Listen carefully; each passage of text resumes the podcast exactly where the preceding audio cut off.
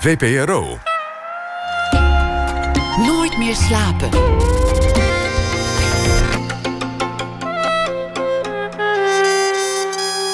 Met Pieter van der Wielen. Goedenacht en welkom bij Nooit meer slapen. Sporen van suiker heet de film waarin prominente Nederlanders als Typhoon, Noralie Beyer en Patricia Kaarsenhout op zoek gaan naar de slavernijgeschiedenis van hun voorouders. We praten na ene met de maker van de film Ida Does. Historicus Nick Pasti komt op bezoek. Hij beschreef uh, heel overzichtelijk de geschiedenis van Frankrijk met daarin ook de laatste tien jaren. We beginnen met Erik Vloeimans, Nederlands beroemdste en vermoedelijk ook beste trompetist. Het begon heel Nederlands eigenlijk in een fanfare. De fanfare van de Heinekenfabriek waar zijn vader werkte. Het werd later klassieke muziek en nog later jazz. En toen kwam Vloeimans op een heel ander punt terecht. Een punt waar genres niet langer ertoe lijken te doen. Een Beatles-song met een barokorkest, met een jazztrompet erbij. Of een militaire kapel als achtergrond. Of spelen met een DJ, een rockband. Optreden met uh, een kwartet of met spinvis. Vloeimans deinst nergens voor terug. Het leverde hem wereldwijd een reputatie op. Hij is eh, binnenkort eh, te zien op het North Sea Jazz Festival met weer een nieuw programma. Werd geboren in 1963. In Huizen gebeurde dat. Hij groeide op in Brabant. Kwam terecht in Rotterdam, waar hij nog steeds woont. En is al uh, zeker 25 jaar een prominente artiest op de Nederlandse podia. Erik Vloeimans, hartelijk welkom. Dank je. De, de Heineken van Varen, wat, wat, wat was dat? Een fanfare. En uh, ik wist het eigenlijk verder ook niet zo heel erg goed. Ik kwam op de muziekschool terecht, de stedelijke muziekschool. En uh, had ik trompetles. En uh, mijn vader die werkte op de Heinekenfabriek. En die, ja, toen werd er een beetje gesuggereerd van... nou, we hebben hier een fanfare, dat is een hartstikke goede fanfare. Waarom ga je daar niet eens naartoe? Dus ik kwam bij de fanfare. En toen was ik een jaar of 12, 13 of zo. En, daar zaten, en, en, vanaf, vanaf 27 was de leeftijd tot... Uh, 65 of zo. dus ik was echt een hele kleine is echt een broekje die mocht meedoen. Ja, ja. ik snapte er helemaal niks van. Ik kon eigenlijk nog niet echt goed noten lezen. En, uh, en toen kwam er een, uh, een vriendje. Die kwam er toen ook bij. Die was toen ook even oud, na een half jaar. En toen waren, waren we samen maatjes. En ik heb daar gewoon toch wel echt heel erg eh, leren noten lezen. En leren samenspelen in een fanfare. En dat heeft eigenlijk ook altijd wel... Uh, dat is me, het is me altijd wel bijgebleven, wat ik daar geleerd heb. Ik heb daar echt iets, iets, iets, iets belangrijks geleerd... gewoon voor de rest eh, van mijn carrière. En ik heb het ook eigenlijk ook wel omarmd. Ik, ik heb nu dan op het Noordse Jazz Festival met uh, Marinierskapel. Dat is toch geen fanfare, maar het is een harmonieorkest. Zit, dus, zit in de buurt? het zit in de buurt. Uh, het zit een beetje in dezelfde richting. Alleen bij een uh, harmonieorkest zitten er ook houten blaasinstrumenten. En dat wil zeggen dat, uh, dat de, de meeste melodiestemmen... die worden genomen door de klarinetten. En in een fanfarekorps zijn dat de bugel. En voor de mensen die dan niet weten... ja, een bugel is eigenlijk ook... het ziet er iets breder uit als een trompet. En het, het klinkt wat warmer als, als een trompet.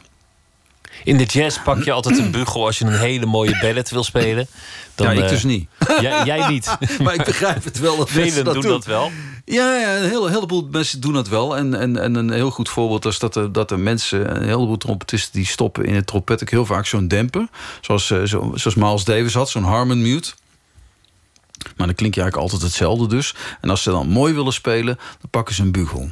Dat heb ik ook gedaan. Ik heb veel bugel gespeeld. Alleen ik was geïnteresseerd in een ander trompetgeluid als dat, dat hele scherpe, wat we ook al in salsa muziek en. Uh, je, je wilde je eigen, je eigen ding vinden. Uh, ja, dat sowieso wel, ja. N niet eens heel erg bewust van jongs af aan, maar gewoon, ik werd ook door een wat donkerder geluid aangetrokken. En later werd ik ook uh, door uh, Indiase fluit en de shakihachu en de duduk luister ik naar Oosterse muziek. En John Hessel is een uh, trompetcollega uit Amerika. En die heeft met Brian Eno gewerkt. Heel veel van die bijna zijnsmuziek. Weet je, die mensen ook elevator music, zijnsmuziek noem ik het dan maar.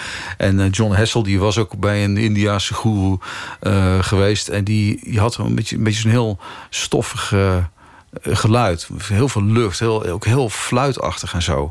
Dus ik noem het eigenlijk ook een beetje hout op koper uh, spelen. Weet je, alsof je bijna fluit speelt, maar je hebt dan een trompet in je hand. En wat komt er dan uit? Dus ik heb me een heleboel uh, ja, wat meer technieken eigen gemaakt om wat anders te klinken. Ik bedoel, een trompet kun je ook hoog en hard op. Dat vind ik ook leuk. Maar als het alleen maar hoog en hard is, dan is het alleen maar hoog en hard, weet je wel. Maar, Dus- maar eigenlijk is het een klote instrument. Ik bedoel, Ja, niet qua absoluut. klank, maar, maar om te spelen is het... Is het, is het eh, als, je, als je een week niet oefent, dan ben je, ben je het al bijna kwijt.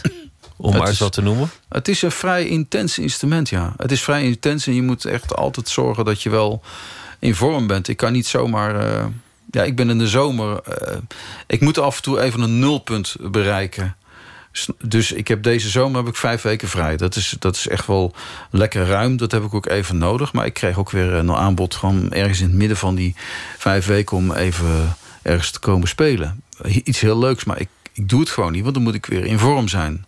Weet je, is hetzelfde als dat je bijvoorbeeld... eh, de marathon loop je ook niet zomaar. Weet je, dat, dat, dan moet je je training, dan moet je je lijf zich op aanpassen, iets resetten. Dan moet je gewoon blijven doen. Dus dat hoort altijd bij je. Dus dat trompet spelen, dat hoort altijd bij je.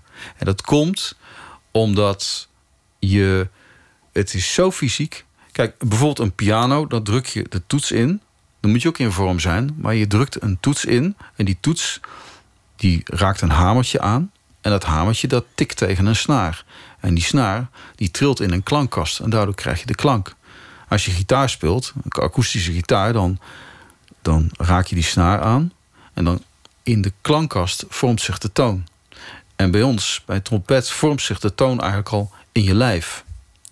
Bij een saxofoon trilt het rietje. Maar bij een trompet moet je eigenlijk... In wezen... Wat ik nu met mijn lippen doe, is in wezen al heel fysiek. En dat Maar is, je- is dat ook waar je uit vorm raakt? Die lippen, die spanning die je erop moet hebben? De, de kracht in je lippen? Ja, het heeft met meer te maken. Hè. Het heeft met een goede ademhaling te maken. Met, je- met, je, met, je, met je techniek. En eigenlijk, eh, hoe beter dat je het kunt... hoe minder dat je ervoor hoeft te doen. Maar dat is met alles. Hè. Als je er goed in bent... Dan lijkt het en dan ziet, het er, ja, dan ziet het er ook uit alsof je er ook niks voor doet. Dus als je eigenlijk goed trompet kunt spelen... dan zeggen ze van... God, wat, doe je overdag? Want eh, ja, doe je overdag? Of dat kan mijn moeder ook. Of dat soort... dan ben je een soort Miles Davis in de jaren 50 die een beetje cool staat te zijn. En een sigaretje staat te roken. En Bijvoorbeeld. dan even een solootje wegblaast. Ja, ja, ja. En het ziet eruit alsof, alsof het Ja. niks voorstelt. ja, maar dat is wel elk beroep eigenlijk zo, hè? Iemand die heel goed is, dan lijkt het makkelijk. Ja, ja en, en, en we beseffen denk ik ook niet heel vaak wat, wat een beroep eigenlijk überhaupt is. Ik hoorde een, een, een, een- de vader van een, eh, van een vriendje vroeger, die was eh, chauffeur. En toen was die man, die kwam een keer moe thuis. En toen was ik daar ook en toen zei die vrouw van... God, eh, ben je moe? De autorijden wordt er niet moe van? Ik nou, eh, als je de hele dag in de auto rijdt... dan word je best moe van. Of eh, die bartender die achter de toog staat om zijn biertje te tappen. Ik heb ook in de horeca gewerkt toen ik jong was. Nou, ga het maar eens even doen van s smiddags vier tot s s'nachts drie. Dan piep je wel anders. Dan weet je echt wel dat dat, dat niet zomaar een biertje tap is... maar daar, daar, daar word je toch wel moe van. Maar wa- wat je zei over die toon, hè? Want, want je, je, wil, je wil niet eh, een truc toepassen dat je, dat je zo'n zo'n zo'n eh, zo'n zo'n kap erop zet. Dan, dan moet je dat doen met meer lucht. Du- Dus om zachter te klinken moet je, moet je meer lucht door die, door die toeter blazen.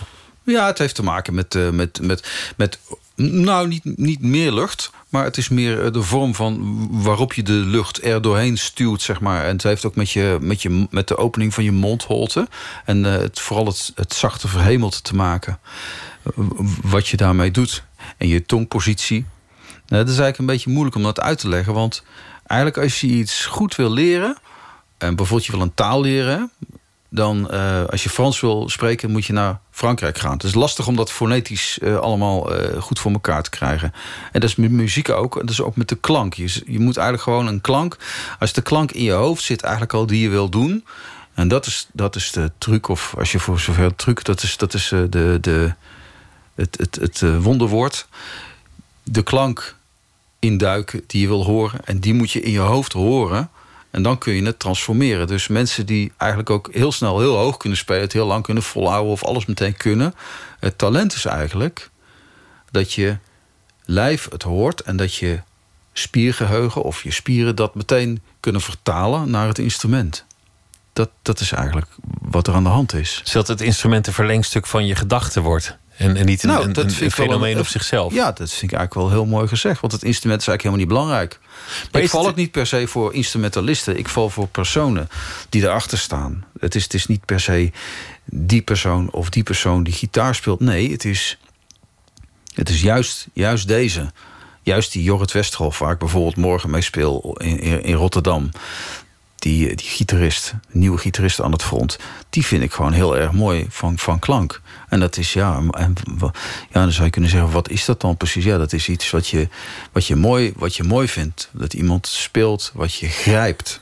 Je, maar je bent, als jij speelt, ben je, ben je, je bent minder gaan spelen in de loop der jaren, heb ik de indruk. Dat je, dat je minder noten, nou, meer rust. Is, oh, op zo'n manier. Ja, minder. minder uh, je, je doet minder. Zeg maar, je, je bent minimalistischer, ook, ook een, een, zachtere klank. Meer, meer tot de essentie lijkt je te gaan. Het is moeilijk om dit te zeggen, omdat je zoveel verschillende genres bestrijkt en zoveel verschillende formaties, dat, dat het natuurlijk ook al, altijd weer anders is. Maar het, het lijkt alsof je op zoek bent gegaan naar een soort essentie in je spel. Ja, is wel leuk als je. Ja, dat, dat, dat is eigenlijk al zo. Toen ik. Toen ik uh uh, nou ja, toen ik 25 was, toen zei mijn toenmalige docent uh, Toon de Gouw... die zei gewoon eens een keer van... God, die, uh, als je die oude knakkers hoort... zoals Eddie of Sweet Edison, trompetist... van als je die dan hoort op een gegeven moment toen hij oud was...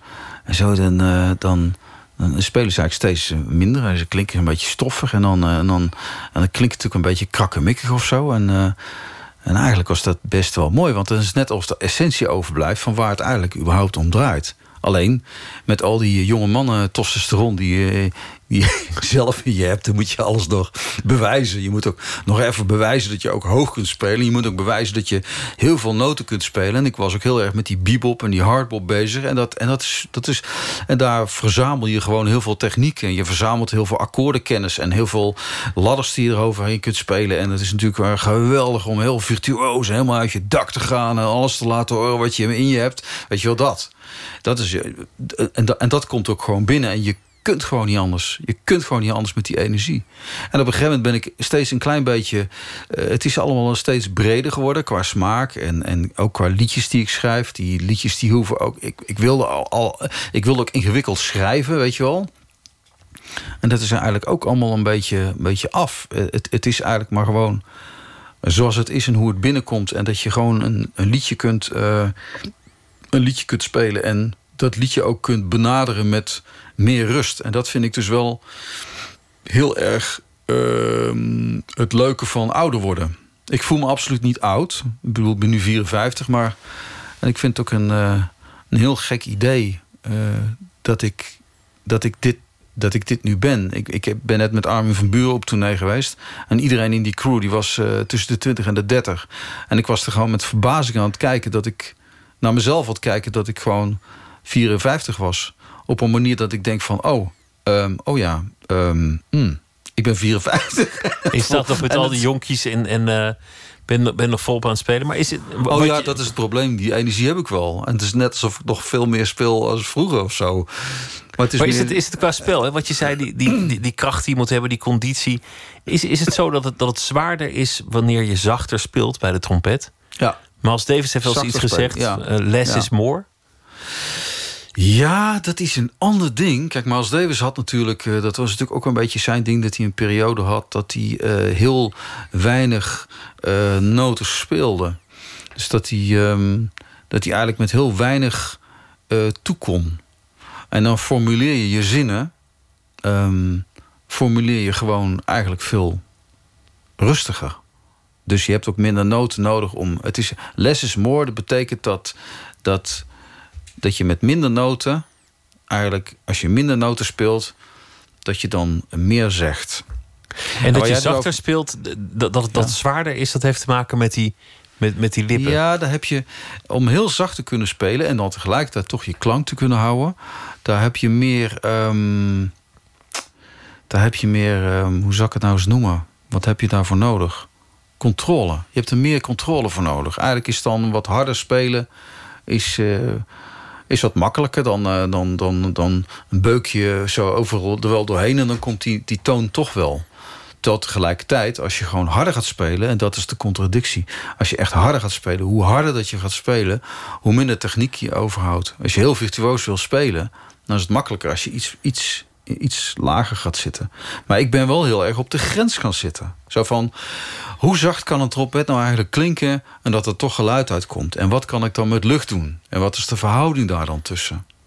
Terwijl tegelijkertijd hou ik ook heel goed in de gaten... dat het volle geluid met de volle kern... en, en het hele boventonen spectrum... want dat, dat, is, dat is echt wat het instrument is... als je er gewoon vol doorheen blaast. Als je dat niet kan, dan kun je het ook niet. Dan kun je dat zachte ook niet. Dus het is heel belangrijk om alles heel goed in de gaten te houden. En het is eigenlijk gewoon... eigenlijk ben je continu natuurlijk gewoon aan het werken aan, aan een stukje meesterschap. Waar je steeds een stukje verder en steeds een stukje dieper en steeds een stukje dieper. En ik merk ook soms wel eens van, dan ben ik ergens aan het spelen. En dan, zit ik, dan ben ik me gewoon aan het vervelen of zo.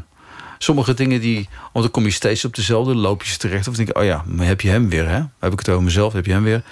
Pff, ja, dan doe ik dat weer. Oh ja, hmm deed ik gisteren ook al. Of, uh, hmm, weet je wel?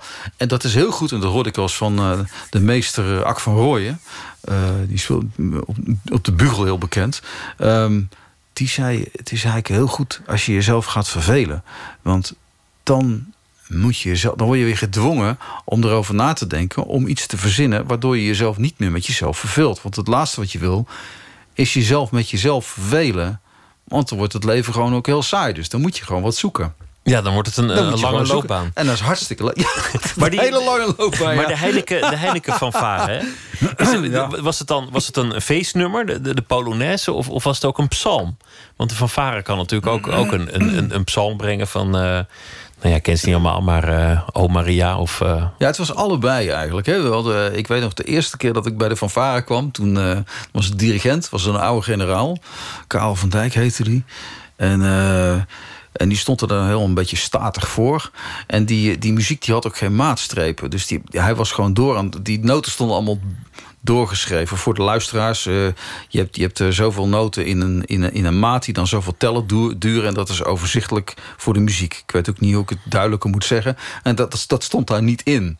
Dus alles was een beetje zo. Uh, ja, een beetje naar de melodie toe rubato gedirigeerd. Dus niet per se in de maat of zo. En ik, ik snapte dat helemaal niet zo goed wat het was. Dus ik was, ik was daar gewoon een beetje aan het playbacken. Dus, dat had je, dat deed hij voor de klank.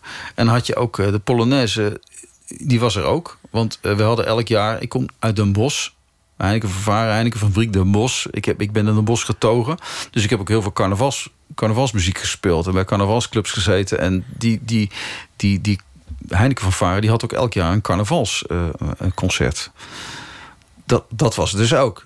En wat, wat er ook was, was de Heineken was natuurlijk prominent aan, aan, aanwezig bij uh, uh, internationale voetbal toernoois. Dus, dus, dus met regelmaat liep je dan ook gewoon met je, met je toeter op het voetbalveld. met zo'n harpje zo op je bugel. En dan, ja, dus dat heb ik wel allemaal gedaan. En met Koninginnedag heel vroeg eruit, door de wijk heen. Ja, dat is wel mooi. Maar ik vind zo'n zo'n psalm, als zo'n fanfare een rustig stuk doet... Met, met, met een zekere melancholie erin, dat, dat vind ik toch prachtig. Ik vind dat ook prachtig. Dat vind ik heel mooi. Ja, vind, vind, vind ik, ik, heb, ik heb zelfs ook zo'n zo'n stuk, zo'n soort psalm, eigenlijk een soort requiem. En daar waren mensen, eh, die waren daar van de Marinierskapel helemaal weg van. En die hebben mij toen gevraagd om uh, de organisatie van de Tattoo, de Tattoo, in, uh, Amsterdam, of in, in Rotterdam, in Ahoy, die hebben me gevraagd om, om dat stuk requiem te spelen. En dan speel je dus dat requiem met gewoon echt, nou, ik denk dat er wel drie, vierhonderd man achter me stonden. En ik speelde zo'n solo over zo'n over zo'n soort koraalachtig stuk. Dus dat, heeft me ook altijd mee, meegenomen. Ook de klassieke muziek, dat heeft me ook steeds meegenomen. Als ik ook veel popmuziek en van alles en nog wat gedaan heb. Maar dat, dat blijft ook. Dat is ook iets heel, iets heel schoons. Iets heel schoons uh, op een of Ik weet niet hoe ik dat verder moet zeggen. Ook, uh, Jullie hebben ook stukken opgenomen, want, je, want jullie staan op, de, op, eh, op het festival North Sea Jazz. En dit is een, een, een oudere opname, Song for Syria, samen met uh, de kapel. Ja, de Marinierskapel.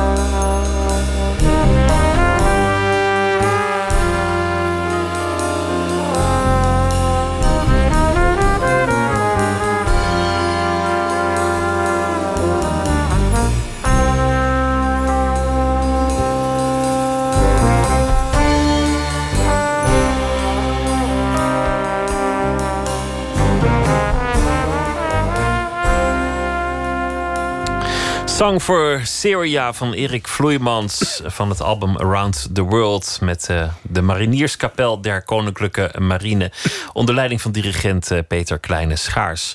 En ze zullen spelen op het North Sea Jazz Festival dat alweer voor, voor de deur staat. We begonnen met uh, de Heineken van Varen, want je vader werkte bij de... Mag ik je iets, ja? iets vertellen over Song for Syria? Want ja, dat, natuurlijk. Is, dat vind ik een heel... Um, Kinan Asme is een dirigent die ook in de band zit van Yo-Yo Ma, die fameuze cellist. Uh, cellist.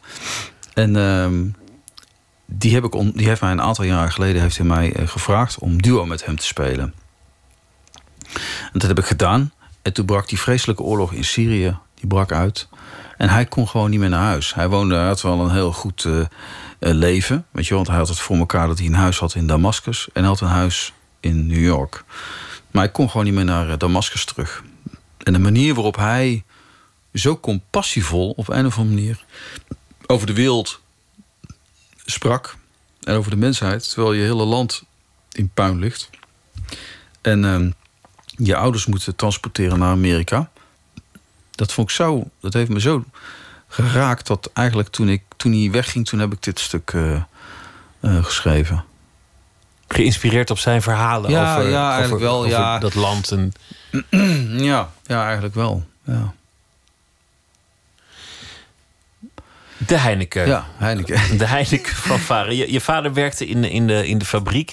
Hoe, hoe kwam het eigenlijk dat, dat, jij, dat jij de trompet als instrument koos? Wat, wat, oh. Hoe kwam die daar uh, terecht? Nou, ik had een vriendje en die zat op de muziekschool, Teun van Rooij. En zijn vader die zat, die was fluitist in het Brabants Orkest. En daardoor ging ik op algemene muzikale vorming op de lagere school. En uh, dan, daarna kies je een instrument. En op een of andere manier werd ik altijd naar koper toegetrokken. Ik werd altijd naar koper. Uh, Want dat, dat, dat, dat glimt mooi natuurlijk. Ja, weet niet. Die klank, mooi. Die klank, dat is, ja, terwijl ik eigenlijk nog niet zoveel... Mijn enige, mijn enige muzikale referenties met trompetten was eigenlijk zo James Last of zo. Of je had toen die tijd had je Marty en uh, weet ik het allemaal. En disco natuurlijk. Daar, daar zaten ook Disco, wel vaak blazers in. Ja, inderdaad. Nou, je het zegt. Dat was nog, Ja. nog in de top 40.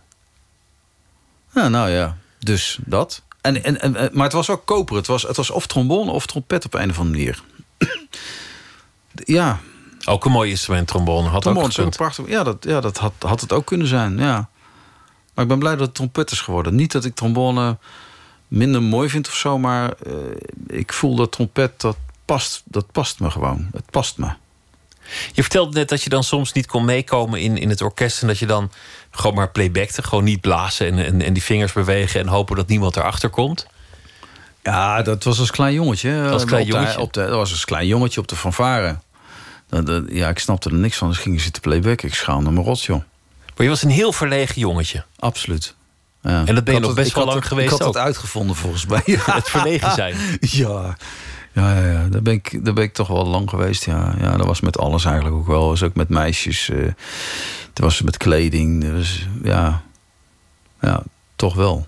Met kleding? Hoe, hoe kan je Ja, verlegen zijn met kleding? Nou, doordat je eigenlijk bijvoorbeeld een, eh, een rode broek wel, eh, wel leuk vond of zo, maar hem gewoon niet aan durfde te trekken. Omdat bijna niemand dat deed. Je wilde niet opvallen. Ja, eigenlijk is het heel paradoxaal. Want misschien wilde je het wel. Want ik vond, dat vond ik dan wel mooi als kleur. Maar je durfde gewoon niet. Gewoon, gewoon echt niet durven. Wat Ja, was het moment stom, dat je het wel Ja. durfde? Is er een moment geweest dat, dat je dan dacht... nou, ik, ik, ik doe gewoon iets aan dat ik mooi vind... ook al val ik dan op? Dat is. eh, dat is eh, ja, dat heeft lang geduurd. Ik had mijn eerste leren broek die ik had gekocht, die eh, durfde ik ook bijna niet voor het eerst op het podium aan. En, eh, maar uiteindelijk gewoon toch maar gedaan. En ik denk dat het toch op een of andere manier ook. Het, was ook, het had ook met zelfvertrouwen te maken, ook, ook op, die, op die trompet. Dat, dat, dat was op het conservatorium, was dat allemaal nog niet. Ja, ik weet niet. Ik, ik, had, ik had een, niet zo goed embouchure, dus ik kon het niet lang volhouden. Ik kon het niet hoog, ik kon niet hard. Ik, weet je wel, een beetje zo. eh, Ik was absoluut, net zoals op de lagere school en ook op de, op de voortgezet onderwijs, was ik absoluut eh, niet, eh, niet populair. Niet, en niet populair betekent dus ook gewoon. ik was nooit de, de, het laatste jongetje gekozen bij gym. Maar wel het ene laatste. Als jullie die nemen, ja, dan nemen wij hem wel. Weet je wel zo. Dus, dus, dat, dat, dus zaten allerlei onhandigheden op. En, en, en ja, dat, ja, dus dan durf je je eigenlijk niet te laten zien. Hè? Dus, gewoon, eigenlijk, eigenlijk gewoon, gewoon, ja, gewoon, gewoon niet willen, willen bestaan. Gewoon zo onzichtbaar mogelijk zijn en hopen dat niemand naar je kijkt. En tegelijkertijd toch niet. Maar tegelijkertijd niet, maar je, maar je, durft, je durft het niet. en op een gegeven moment uh, is dat een beetje. Ja, op een gegeven moment groeit dat een beetje. Op een gegeven moment was ik in New York en toen had ik een soort uh, wijde pofbroek gekocht. En, ik dacht, hey, en toen durfde ik wat meer. En, uh, en toen, ja, toen ja, ik voor de geheim mijn haar gewoon eens helemaal wit uh, laten blonderen. Dat allemaal zo van die eerste stappen om gewoon eens wat uit te proberen wat je, wat je kunt doen. Wie je nog meer zou kunnen zijn? Nee, wie de Erik Vloeimers eigenlijk was. Maar het, het klinkt alsof je jezelf opnieuw hebt uitgevonden. Alsof je een heel ander iemand bent geworden. Dat, ik denk, nee, dat zat er natuurlijk altijd al in.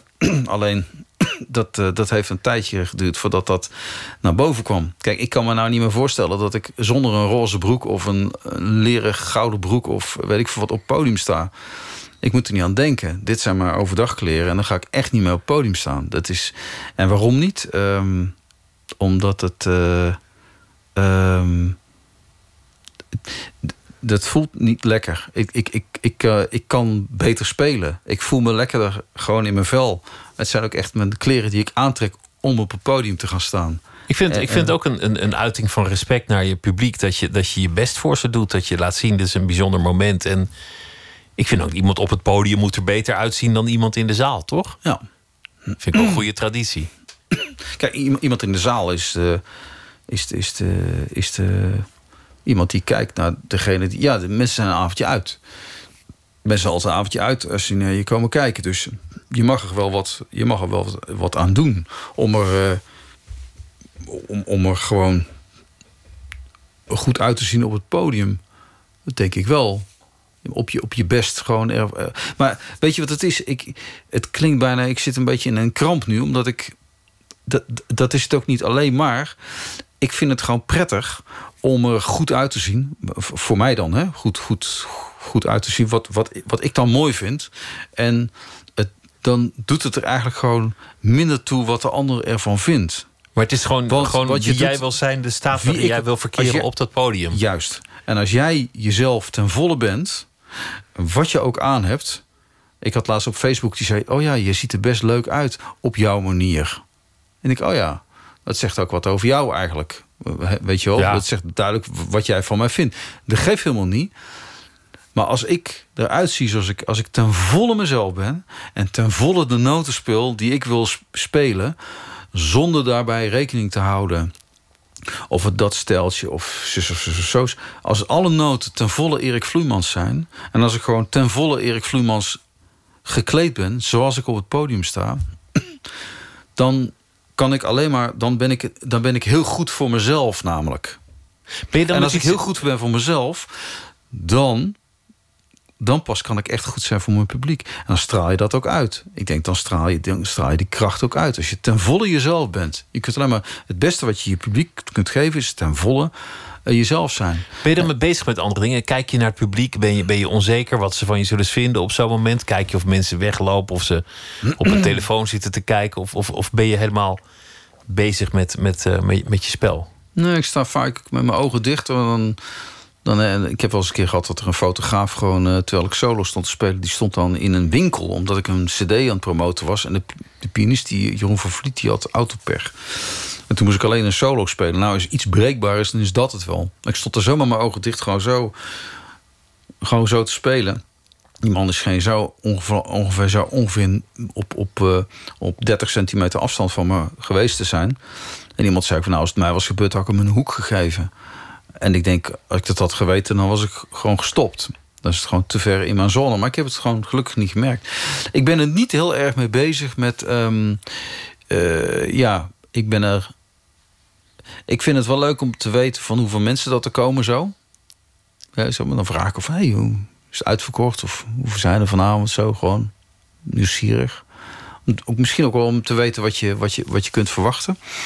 En um, ja, of mensen weglopen of niet. Um, als mensen bijvoorbeeld uh, heel het met een telefoon bezig zijn of uh, een tablet voor de neus hebben, dan kan dat heel erg afleiden. Je kijkt natuurlijk toch wel, en dat, dat, dat zie je namelijk aan de spiegeling van zo'n tablet op, op iemands gezicht.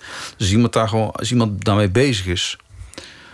Ik vind het in uh, China spelen bijvoorbeeld best lastig. Daar is iedereen gewoon. Met iets, die lijkt, iedereen lijkt gewoon met iets anders bezig te zijn. Mensen zitten onrustig, ze zitten heel te bewegen, ze zijn met de telefoon bezig of ze zijn aan het praten. Ze zijn op een of andere manier gewoon het zal met het hele systeem daar te maken hebben. Maar die, die, die zijn niet gewend of zo om dan dat te ontvangen. Om dan gewoon ten volle daar ook te zijn bij die muziek. Dat vind ik, dat vind ik wel moeilijk. Dan, dan, dan is er een onrust. Kijk, muziek is toch een soort zijn. Het is toch een soort uh, zenden en ontvangen. En, en met z'n allen gewoon in die, in die muziekbubbel. En dat, dat het is het leukste als je er gewoon allemaal bent in die bubbel, want dit is het moment. En muziek is ook een, een kunstvorm die ook op dit moment plaatsvindt. Er is, en op dat moment ook ontstaat, in, in, in jouw geval. Juist, en dat is het mooie. Dat is het mooie van muziek. Dus dat, dat, als je dan ergens anders bezig bent, dan, dan, dan leidt dat af. Weet je wel, ik wil ook niet meer gewoon voor, voor een heel groot pratend publiek of zo. Dat heb ik, al, allemaal al gedaan. En soms kom je het nog eens een keer tegen of zo. Maar uh, ik probeer het wel heel erg af te dwingen dat het gewoon niet zo is. Want, en waarom is dat namelijk? Uh, niet omdat ik mezelf daar te goed voor vind, maar omdat ik omdat elke noot die gespeeld wordt, dat de ruimte tussen de noten, die hoort ook nog bij de noot. Dus de stilte die in de muziek kan vallen, die hoort ook terdege tot de muziek. Daar heb je de stilte voor nodig, de rust. En dan kun je niet als gewoon als een soort veemarkt, als je daar aan het spelen bent, dan dan, dan, komt, dan komen de noten niet over. Dan, is niet... Dan, dan, kun je niet ten volle iets doen. Dan kun je niet ten volle iets laten horen van wat je wil laten horen. Maar het is niet de verlegenheid die, die nog speelt. Die, die heb je echt afgeschud. Er is geen onzekerheid of, of, dat verlegen jongetje. Die bestaat eigenlijk niet meer. ik denk dat ik dat voor een heel, heel groot gedeelte heb afgeschud. Ik heb het nog heel lang meegenomen met presenteren.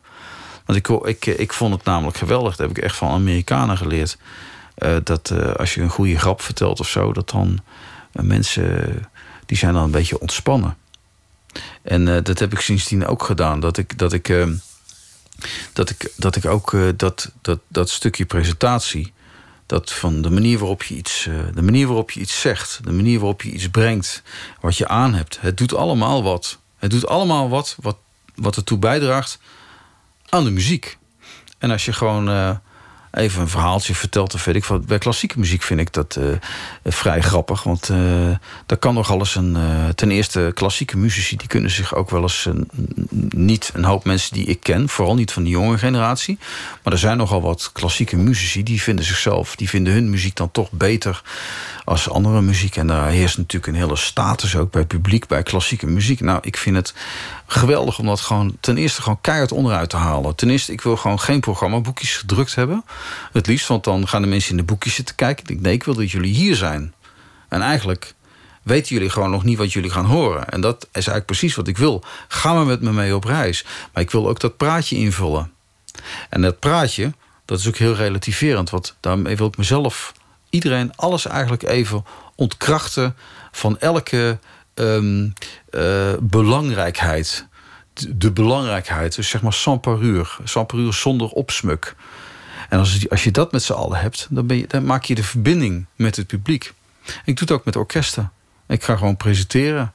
Als je gewoon af en toe iets grappigs zegt, mensen kunt, laten, kunt laten lachen, dan zijn mensen heel wel, eh, ontvankelijk. wel grappig, want jij, komt in zoveel culturen. Van Armin van Buren tot, uh, tot het concertgebouw. En dan, dan met uh, Erik Vaarson Morel de, de, de, Spaanse muziek. En dan is het gewoon weer soul, dan is het pop, dan is het rock met Spinvis. Dan is het, nou, noem maar op. Je, je, je werkt met alles en iedereen samen. Een barokorkest wie had het gedacht dat dat zo, zo mooi samen zou gaan? Ja, ja, dat is ook wel Al die samenwerking, dat, dat zegt ook wel iets over jouw muzikant zijn. Dat, dat, je, dat je bereid bent om elke keer die andere taal weer aan te leren. Het is alsof je inmiddels Frans, Chinees, Spaans en Italiaans spreekt. Ja, dat is een hele goede dat je dat nu zegt, Pieter. Want zo voelt het namelijk niet. En ik begrijp dat je het zegt en ik krijg het ook. Hoe kun je nou de. Ik bedoel, ik heb nu met Varsel Moral Morgen sta ik gewoon in een keiharde rockband. En vrijdagochtend ben ik met uh, Rotterdam, uh, Symfonia Rotterdam aan het repeteren.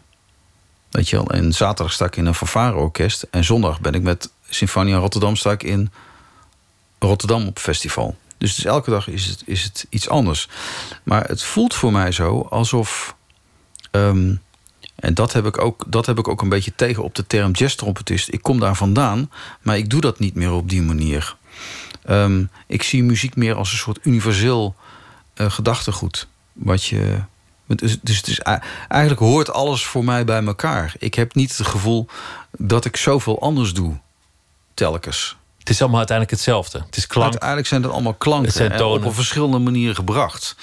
En ik voel dat heel erg dat dat, dat, dat heel erg bij me hoort. Daarom, dat kost me ook niet echt energie. Kijk, natuurlijk in zo'n in zo'n in zo'n vette rockband met uh, Jorrit uh, Westerhof morgen... zal dat gewoon dan vraag je embouchure iets heel anders. Hè? Dan, moet je, dan is het echt even van, uh, met het zweet tussen de bil na te gaan met die banaan. En een stuk met mijn, met mijn, met mijn kist erbij, met, uh, met de gitaar geluiden en zo. En, uh, met geluid over, en effecten. Pedalen, ja. ga je je geluid over je nek laten gaan, zo dat soort dingen. En dat is natuurlijk niet bij Rotterdam Symfonia. Dus ik zal wel, s ochtends, moet ik gewoon, als ik dat gedaan heb, dan let ik op mijn lippen, dan ga ik met mijn lippen om, om zodat je daar meteen met Rotterdam Symfonia. Ik zeg het steeds verkeerd. Symfonia Rotterdam gewoon weer dat hele delicate kunt doen. Maar ja, dat is hetzelfde als hardlopen. Als je de ene dag de marathon hebt gelopen, als je er naartoe loopt of je, je hebt hem gelopen. En wat doe je dan de volgende dag? Dan doe je, je doet elke keer iets anders. Daar heb je trainingsschema's voor. Maar het is, je moet ook de cultuur eigen maken, de manier van denken van je medemuzikanten. Je moet met ze communiceren. Jij bent de chameleon. Ja, maar ik sta ook heel vaak. Uh, net zo, ik heb met de Holland Brok uh, heb ik, heb ik net gewerkt. En ik speel, ik speel dan met de Marinieskapel volgende week. En, en, en dan nu met, met Symfonia. Dat is dan altijd wel eigen werk wat ik speel. Dus ik heb, zelf, ik heb het zelf mee gecreëerd. Dus ik, ben zelf, ik sta zelf ook aan de spil van. van het zijn wel jouw stukken, dus dat, dat blijft dan toch hetzelfde? Niet allemaal, niet allemaal. Het is vaak een, vaak een mix ook. Maar ik ben vaak tot in, uh, tot in verre regionen zit ik, ben ik geassimileerd in het, in het repertoire. En dat is ook dat is wat ik lange tijd minder gedaan heb. Maar dat, dat is wel iets wat ik, wat ik nu meer wil.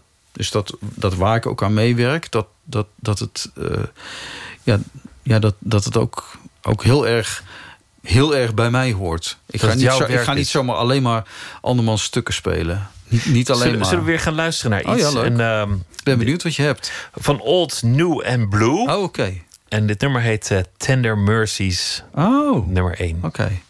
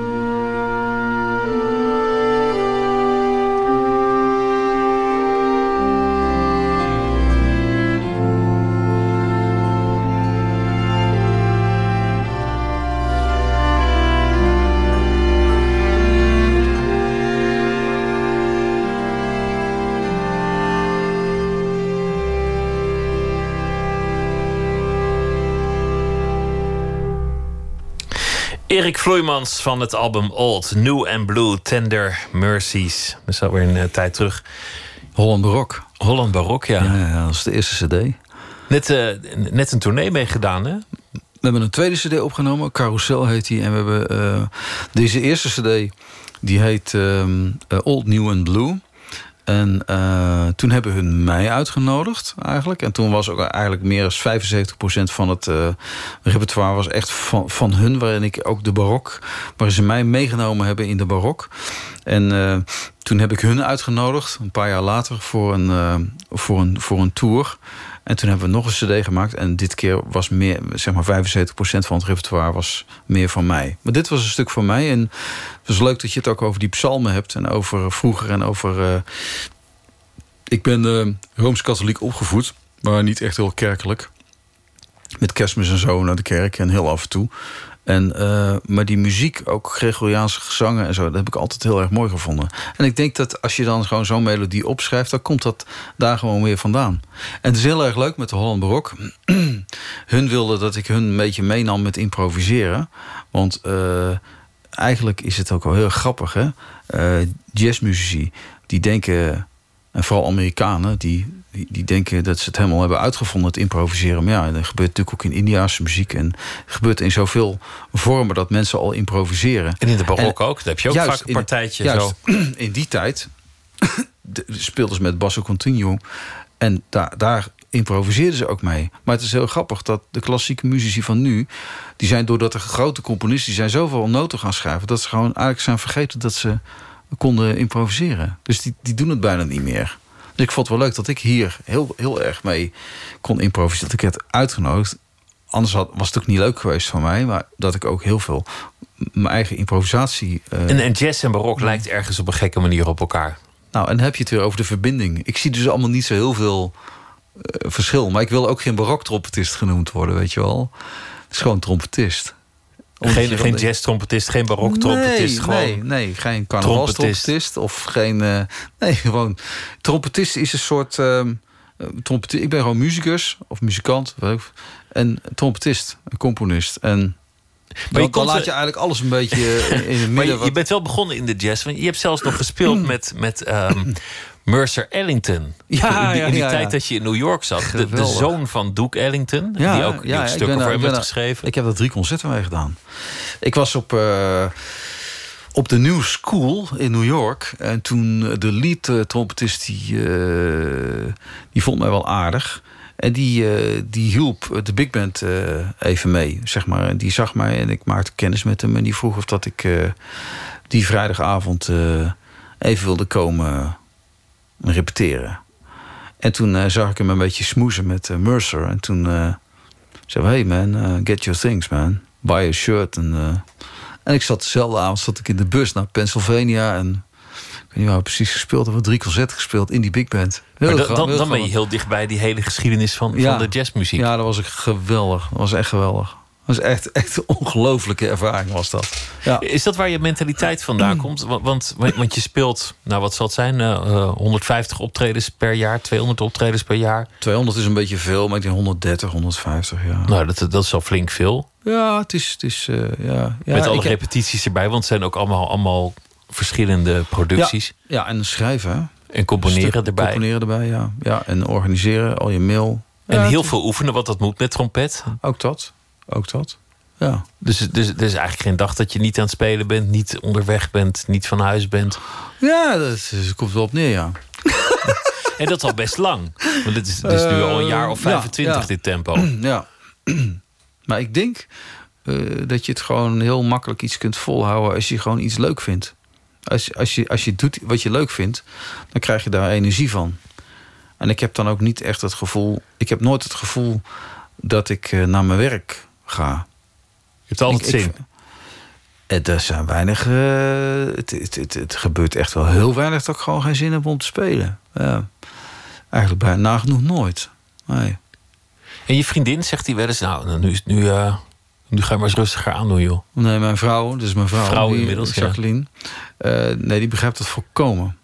Die geeft mij daar alle ruimte in en die vindt het allemaal helemaal best. En gelukkig gaat ze niet altijd mee. En daar zeg ik mee, want de loodgieter neemt zijn vrouw er ook niet mee. Weet je wel? Ik bedoel, uh, als ze zelf altijd mee zou gaan, dan zou ze zelf niks om handen hebben. En ik vind het leuk om met iemand te leven die haar eigen leven heeft en haar eigen leven doet. En je komt elkaar thuis tegen. En als het gewoon echt iets leuks is of zo, dan gaat ze mee. Dat vindt ze hartstikke leuk. Vraag ik het ook even mee. Want nu is, het, nu is het, echt, het is echt iets nieuws. Het is echt iets leuks. Het loopt goed met die band. Dan vindt ze hartstikke leuk dan. Dan volgt ze het, uh, volgt het wel. En leven je ouders nog? Ja, ja mijn, vader is, uh, mijn vader is afgelopen november 80 geworden. En mijn moeder is uh, 78. Ja. ja en, en, en komen die ook nog kijken? Naar je optredens? Ja, alleen uh, mijn ouders die redden dat niet zo in de avond. En uh, nou, nou, nou ben ik heel vaak in mijn old hometown, uh, Den Bosch. ja, daar speel ik best wel regelmatig. En dan, en dan komen ze op de fiets.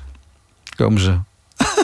Den Bosch is niet zo groot, dus het, weet je wel, een kwartiertje fietsen zit je in de stad. En dan komen ze wel kijken. En af en toe als er gewoon iets belangrijks is of zo als er echt iets leuks is en het is in Rotterdam, wilden ze ook nog wel eens naar Rotterdam komen. Maar dan moeten ze wel met de trein kunnen. Ze houden niet meer zo van autorijden. In ieder geval niet naar Rotterdam, dus dat is al snel te ver.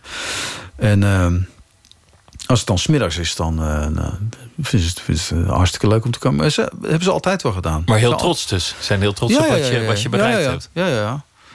Ze, ja, ze, altijd wel een beetje komen kijken zo. Uh, ook al begrepen ze niet waar ik mee bezig was ik denk dat ik ook best wel als je daar niet mee bezig bent. En ik kom dus wel uit een gezin. Mijn vader die draaide operetteplaten.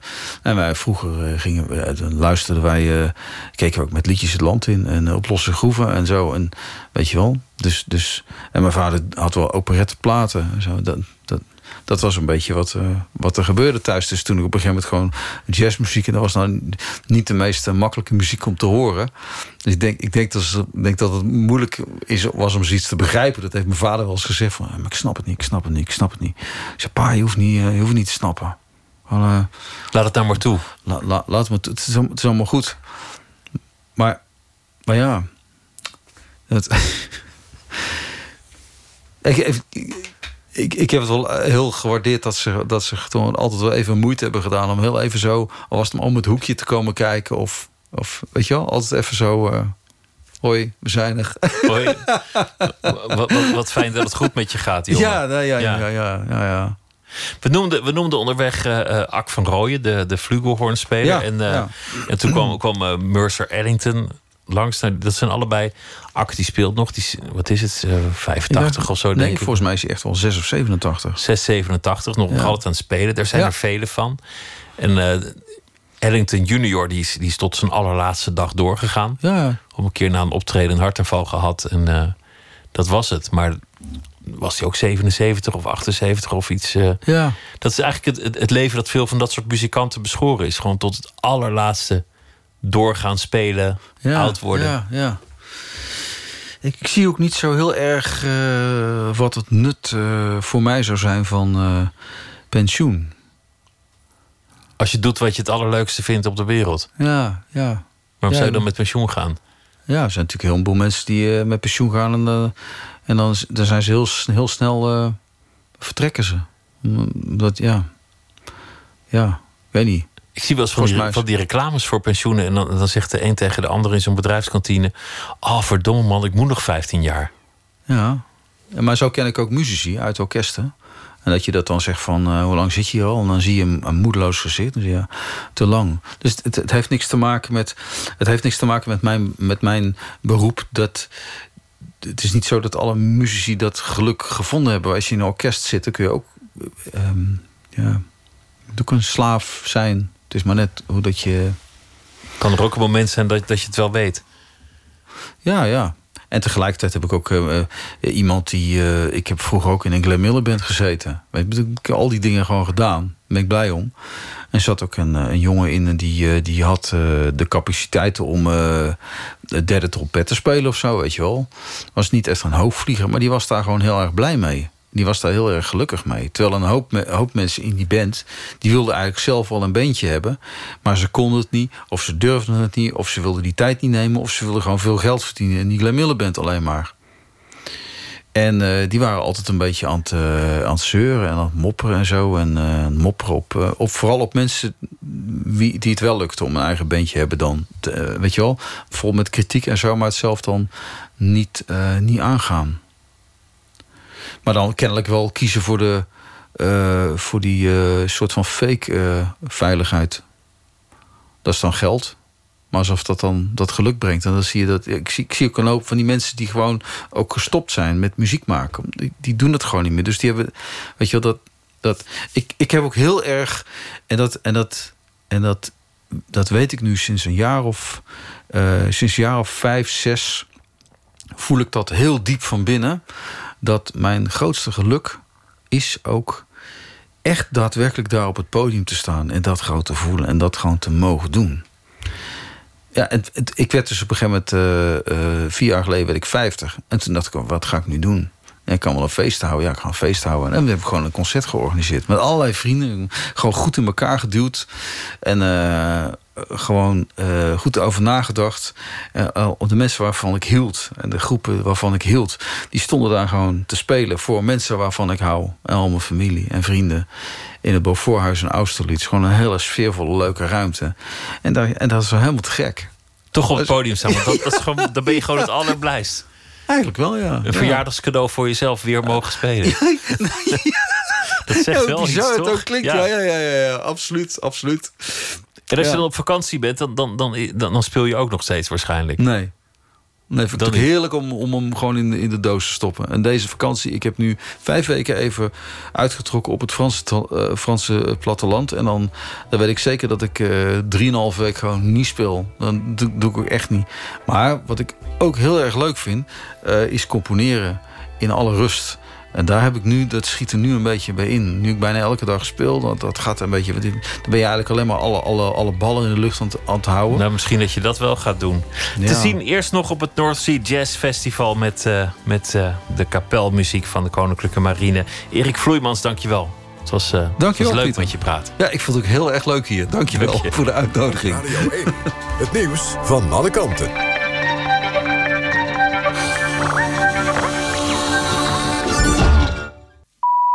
1 uur, Mariette Krol met het NOS Journaal.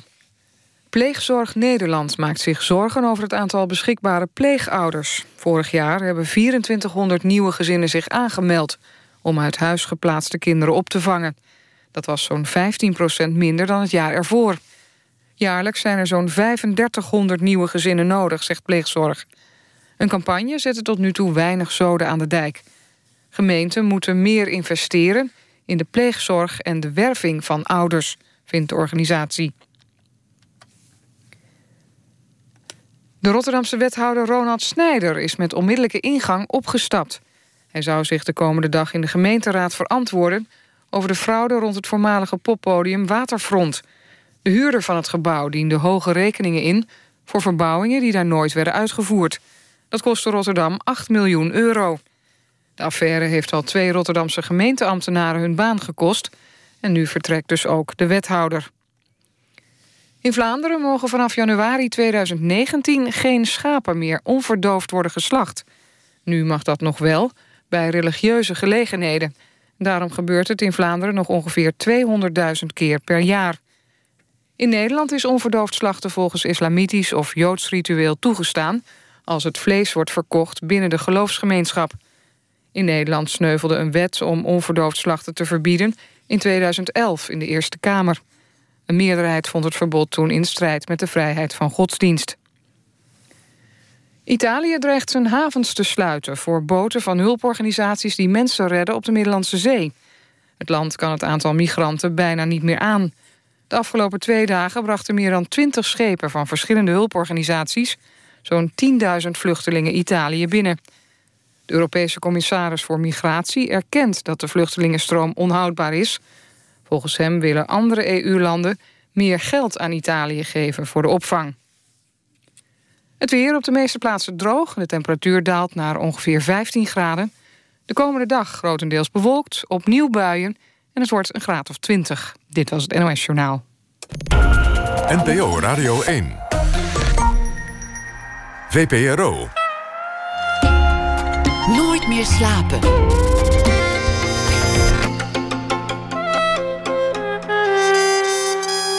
Met Pieter van der Wielen. De documentaire Sporen van Suiker. Daarin gaan eh, beroemde Nederlanders op zoek naar het slavernijverleden in hun familie. Typhoon bijvoorbeeld. Zo meteen een eh, gesprek met Typhoon en de documentairemaker Ida Does. We gaan het hebben over uh, Frankrijk. Het boek De Razende Republiek over dat land heeft een update gekregen van historicus Nick Pas. Hij heeft de laatste tien jaar van de geschiedenis eraan toegevoegd. En Pieter Jouke maakt een verhaal bij de dag die achter ons ligt. Maar eerst het cultuurnieuws. De schrijver van de boeken over Beertje Paddington, de Engelsman Michael Bond, is overleden op 91-jarige leeftijd. In het uh, eerste boek over het beertje dat genoemd werd naar het Londense treinstation Paddington verscheen in 1958. In de Drentse Diever wordt deze zomer een geslachtsneutrale versie van de getempte fakes van Shakespeare opgevoerd. Een rad van fortuin bepaalt voorafgaand aan de voorstelling of de fakes Catharina wordt gespeeld door een man of een vrouw. Het Amerikaanse tijdschrift Time Magazine heeft het team van Donald Trump vriendelijk verzocht vervalste tijdschriftcovers weg te halen bij zijn golfclubs. De president staat afgebeeld met teksten die afkomstig zijn van een echte cover met Kate Winslet uit 2009. De Amerikaanse actrice Michelle Rodriguez overweegt te stoppen met spelen in Fast and Furious films als niet snel meer aandacht wordt besteed aan de vrouwelijke personages. Ze speelt de enige vrouw in de groep straatracers en was tot dusver te zien in vijf van de acht films. Cartoonist Tjeerd Royaerts die uh, luidde de noodklok vandaag vanwege de dreigende verdwijning van de Inktspotprijs. Jaarlijks worden er 75 prijzen voor journalisten uitgereikt, maar één slechts voor de beste politieke prent. De grootste sponsor, Stichting Democratie en Media, heeft besloten geen steun meer te geven aan de prijs. En dat is een uh, bedreiging niet alleen voor deze prijs, maar ook voor het genre van de cartoon, vindt Tjeerd Royaerts. Goeienacht. Goeienacht. Betekent dit het einde van de Inktspotprijs, denk je? Uh, nou, ik mag, uh, mag hopen van niet. Uh, ik, ik denk dat er, dat er wel een manier gevonden moet kunnen worden om het, om het door te kunnen laten gaan. en om de financiering ook voor komende jaren rond te krijgen. Maar ik zie, als ik zie zo de reacties die er vandaag alleen al zijn, zijn, zijn binnengekomen van, van mensen die het toch zo belangrijk vinden. En ik heb diverse mensen al horen voorstellen om dan maar een crowdfunding actie te beginnen. dus ik denk zeker dat er mogelijkheden liggen. Het is belangrijk dat er een prijs is voor de beste spotprint, vind je? Uh, ja, ik vind van wel. En het is het enige wat we in Nederland hebben voor, voor politiek cartoonisten. Dus uh, vandaar dat ik me ook zo kwaad over heb gemaakt. ik snap nog dat Stichting Democratie en Media zegt van... goh, we doen geen prijs meer en we willen het geld besteden aan andere initiatieven... die meer binnen de lijn liggen van wat wij willen ondersteunen. Uh, maar ja, ze hebben 2 miljoen te vergeven. En uh, daarvan gaat volgend jaar nu helemaal niks meer naar initiatieven die met politieke cartoons uh, te maken hebben.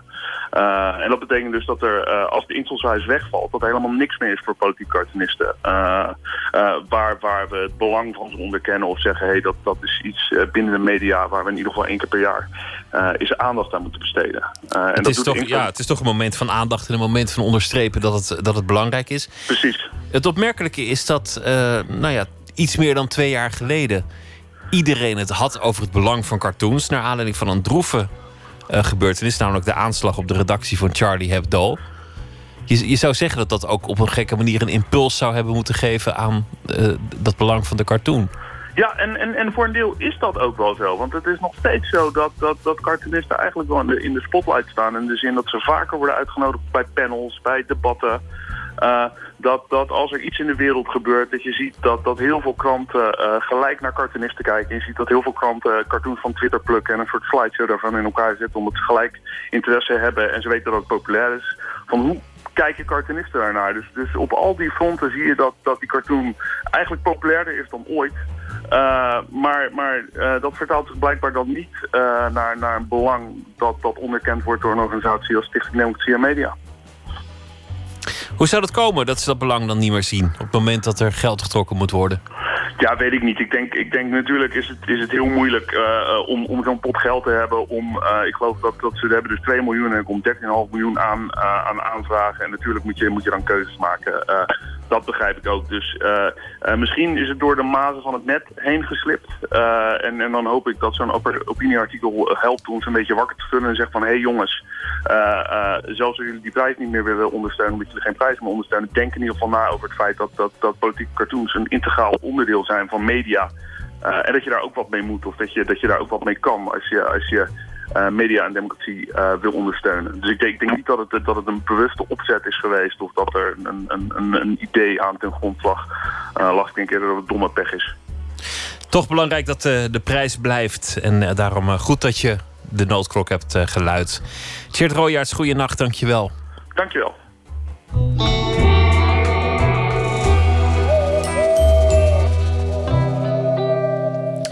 Den Auerbach met het nummer King of a One Horse Town.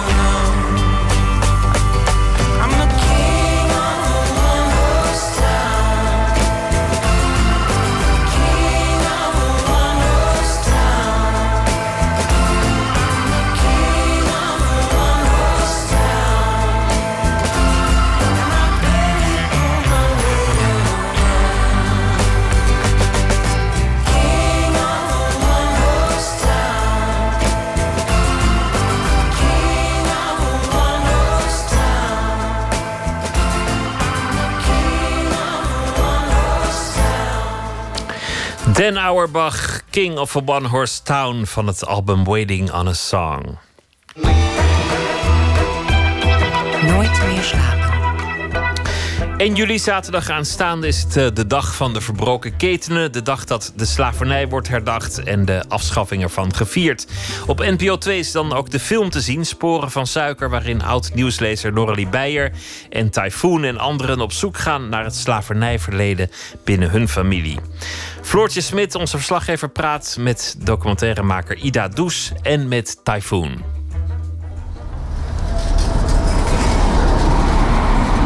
Als je door Amsterdam fietst, kijk je er makkelijk overheen. Dan zie je ze niet. De vergulde Afrikaanse hoofden op het statige hoekhuis.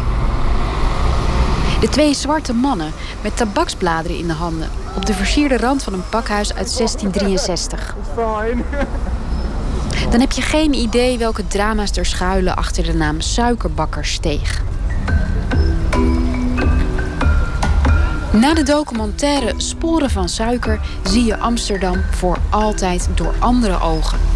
Filmmaakster Ida Does laat in haar film zien hoe slavernij letterlijk sporen in Amsterdam heeft achtergelaten. In de architectuur en in de bewoners. Een paar jaar geleden zag ik dat er een gids uh, slavernijverleden was uh, uitgekomen. Ik had net een film gemaakt over uh, de relatie van de stad Den Haag met uh, het oude Indië, met de schrijfster Yvonne Keuls.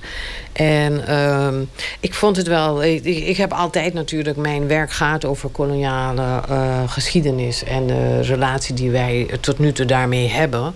En hoe wij daarmee omgaan. Dus uh, toen ik die gids zag, Amsterdam, slavernijverleden. en zoveel plekken daarin zag.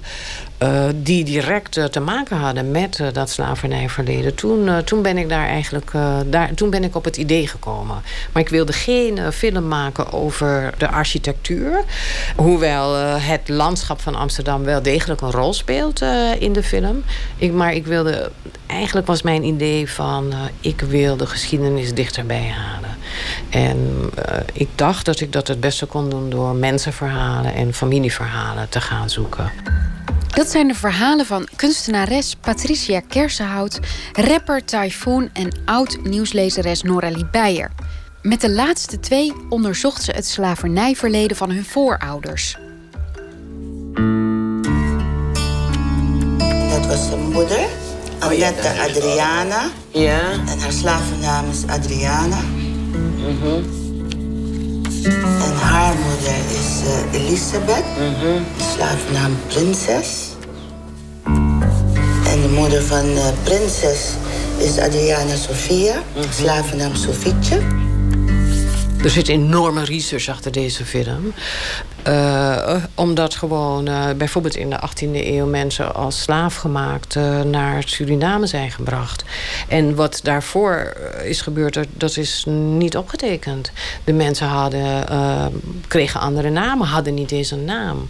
Dat is check, double check, diverse archieven naast elkaar leggen. overlijdensarchieven, krantenberichten, geboorteregisters, wijkregisters. Die dingen naast elkaar leggen en double check om te kijken, is dit wel wel de zoon van. De zoektocht leverde bijzondere dingen op. In het geval van Norelie Beijer niet alleen een uitgebreide stamboom, maar ook beeld. Misschien dan. Tijdens het onderzoek dook een daguerreotype foto op die de eigenaar van haar voorouders hadden laten maken. Dit is meneer Van Emden, die Egbert. Maar wat interessant is, is dat hier op de achtergrond, helaas erg onzichtbaar, je ziet wel de contouren, staat een vrouw. En het is een zwarte vrouw. Ja, wie is die vrouw? Het zou Sofietje kunnen zijn. Toen Ida Does het over deze foto had met een historicus aan de Universiteit in Leiden, noemde hij het een vondst van formaat. Carwan Fatah Black die zei tegen mij: Ik ken geen andere foto waarbij een slavenmeester met zijn, degene die hij in slavernij houdt, uh, op de foto staat. Dus over die foto is het laatste woord nog niet gezegd. Dus het, het is niet erg common. Het is niet zeer gewoon dat deze foto's er waren. En voor ons waren het juweeltjes, omdat wij in beeld konden brengen hoe de relatie. Je, je, je krijgt er een beeld bij. En dat was voor Nari Beyer heel belangrijk om, om te zien van. Ja, zo moet het ongeveer geweest zijn. Hè? Ja, ik wil altijd proberen, uh, Floortje. Ik, ik, wil, ik zoek altijd naar dingen dat ik de geschiedenis kan aanraken. Dat is eigenlijk mijn doel. Uh, het moet geen droog verhaal zijn. Uh, het, het moet tastbaar worden. En, en als het even kan, ook fysiek tastbaar. Daarom heb ik Typhoon ook uitgenodigd om een slavenboei in het Rijksmuseum te, te gaan te gaan bekijken. Ik laat het aan hem wat hij daarmee doet. Maar ik wil wel die slavenboei uh, uit de vitrine halen... waar eens mensen aan uh, vastgeklonken hebben... Uh, zijn geweest op een plantage in Suriname. En wat gebeurt er dan met je? En nou, dat kan je in de film zien. Tastbare geschiedenis loopt als een rode draad door Amsterdam. Het pand met de grootste Afrikaanse bustes van Amsterdam ligt aan de Herengracht 514. En dat is om de hoek van het stadsarchief. Daar is een vitrine gewijd aan slavenschip de Watervliet. In een duizelingwekkend dik boekwerk zijn met zwierige letters getuigenissen over de beestachtige behandeling van slaven vastgelegd. Het stadsarchief is ook de plek waar Amsterdam Sporen van Suiker afgelopen zondag in première ging. Hoofdpersoon Typhoon, oftewel Glenda Randami, die zag de film daar voor het eerst. Die periode van de slavernij en tot nu krijgt gestalte, wordt, wordt, krijgt leven doordat, doordat er personen aangekoppeld worden. En daar, daar ben ik zelf zo dankbaar voor dat ik, dat ik daar onderdeel van mocht zijn. Omdat ik nu zoveel meer van mijn historie ook begrijp. Maar ook daardoor het veel beter in het nu kan plaatsen. En ja, ja ik, ik ben echt zwaar onder de indruk. Ik zag in de documentaire dat je best geëmotioneerd was. Je weet ook van tevoren, dit wordt allemaal niet heel leuk wat ik ga mm. Ontdekken. Heb je daar nog over getwijfeld? Nou ja, ik heb er niet over getwijfeld. Want ik weet dat het... Ja, dus, dus, dus, dus groter dan, uh, dan mezelf. Ik kan, doordat ik een podium heb, uh, uh, ja, moet ik dit dan ook ondergaan, weet je. Practice what you preach. Maar ik had er niet heel veel zin in. want je, je weet niet wat je, wat je gaat krijgen. Dus ik hou van controle. Nou ja, alle controle was ik hier, hier, hier kwijt. Dus de, het enige wat ik kon doen was weglopen. Maar ja, ik wilde het wel weten. Ook al was het niet heel erg prettig. Wat Glenderandami uiteindelijk leerde over zijn familiegeschiedenis is minstens zo intrigerend als wat Noralie Beyer ontdekte. Maar dat moet u zelf maar bekijken in Sporen van Suiker. Wel kan ik verklappen dat een van de voorvaders van Typhoon, net als hij eigenlijk, een activist bleek. En dat hij het allerergste moest doorstaan als gevolg van een onmogelijke liefde. Dat is, dat is beautiful, dat is, dat is prachtig. Dat is zo, uh, ja, dat spreekt tot, tot, tot de verbeelding. En ik, ik, ben, ben al bezig om daarover te schrijven en een nummer, uh, een nummer daar, uh, daarover te maken. En aan de andere kant het, het, het activisme. En dat, dat herken ik heel erg. Ik, ik, heb, me, ik heb me over ja, op bepaalde zaken zeg maar, uh, uh, enorm ingezet. En uh, ook daarvoor nou ja, een jaar geen, geen, geen muziek gemaakt. Was, ik was privacy-activist. heel diep daarin gegaan. En ja, die drang om, voor, om te strijden voor gelijkheid, ja, dat, dat voel ik heel erg. En dat is heel erg mooi dat ik nu daarin mijn stamvader ook herken. alsof het in je DNA zit op een of andere manier. Ja, het is ja, letterlijk. Ja, het zit in mijn DNA. Ik denk dat het belangrijk is. Uh, ik ben zelf in Suriname geboren. Ik heb jarenlang uh, op Aruba gewoond uh, en gewerkt als journalist. En ik ben moeder en ik ben grootmoeder. En ik merk gewoon dat het. Ehm, de ontwikkeling van je identiteit, je zelfbewustzijn, je waardigheid. dat het belangrijk is om te weten uh, waar je vandaan komt, om het maar even uh, uh, plat te zeggen. Of, of het, het lijkt misschien een cliché. Typhoon zegt het ook een paar keer in de film: van, om te weten waar je vandaan, waar je naartoe gaat, moet je weten waar je vandaan komt. Ik denk dat het erg belangrijk is. Je kan niet zeggen we moeten doorgaan als je niet volledig erkent wat er is gebeurd, wat, dat, wat voor impact dat heeft op generaties lang en wat de impact nog steeds is vandaag de dag. En dat het een gedeelde historie is. Want ik sta hier als, als, als, als kind. Uh, ik, Surinaamse roots, maar ik, ben, ik heb een Nederlands paspoort. Maar hoe kan ik mij ooit. ooit volledig Nederlander voelen. als er een deel van, van dat Nederlanderschap eigenlijk wordt ontzegd? Of gezegd van weet je move on. en wij moeten daar hier in Nederland uh, en in heel Europa... moeten wij daarvoor vechten dat datgene wat we hadden... aan geschiedenisonderwijs dat dat behouden blijft. En ook dat wij een, uh, een, een, palet aanbieden... om na te kunnen denken over wat er is gebeurd. En niet ervan wegkijken of zeggen van... joh, het was een zwarte bladzijde. Want het was geen zwarte bladzijde. Het was gewoon een onderdeel van onze geschiedenis. En uh, we moeten daar eigenlijk zonder vrees naar durven kijken. En uh, zeg maar wanneer het mechanisme van schuld en schaamte... dat kunnen mechanismes teweeg brengen dat men ervan wil wegkijken. En ik hoop door deze film daar een bijdrage aan te kunnen leveren. Dat hoop ik oprecht, ja.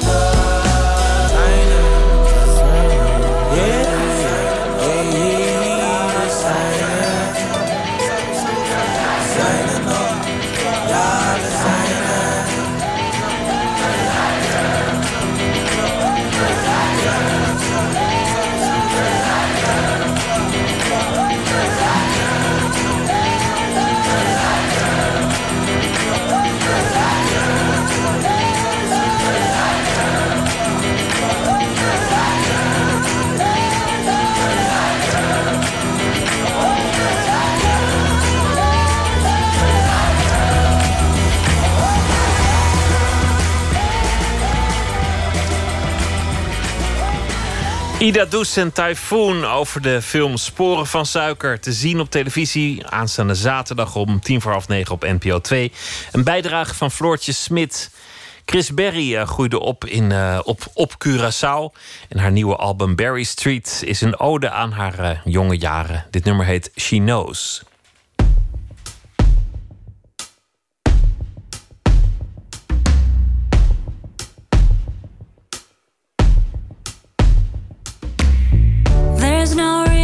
To complain. You and I know we'll sustain. Be together when we fight.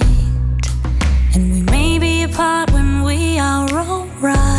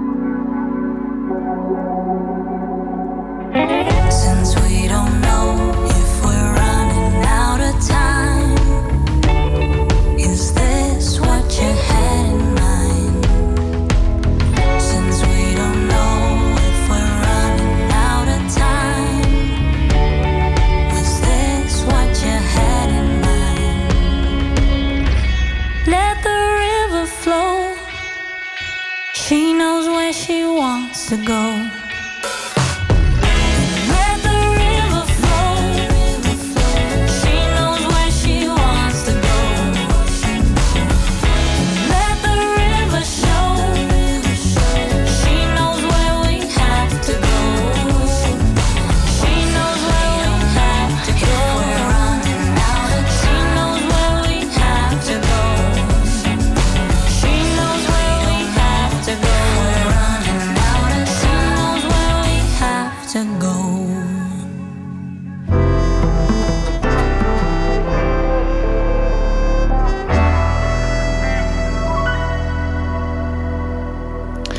Rubriek heet Open Kaart. 150 vragen in een bak. Vragen over werk en leven. Te gast is eh, historicus en Frankrijk-kenner Nick Pas. Naar aanleiding van een nieuwe uitgave en een nieuwe editie van het boek De Razende Republiek over Frankrijk. Nederlanders kennen Frankrijk goed, maar weten weinig van de geschiedenis van het land. Terwijl die toch belangwekkend is en ook belang voor, eh, van belang voor de rest van Europa. De nieuwe editie die sluit aan eh, tot op het heden. Nick Pas studeerde Franse taal en letterkunde en politieke geschiedenis en geeft les aan de Universiteit van Amsterdam. Nick Pas, hartelijk welkom. Hallo, ja. Een, eh, een vernieuwde editie van, eh, van, van het boek over, over Frankrijk. Je schrijft in het voorwoord... er verschijnen veel boeken over Frankrijk. Meestal zijn dat uh, Dupin, Duvin en Duboursin boeken.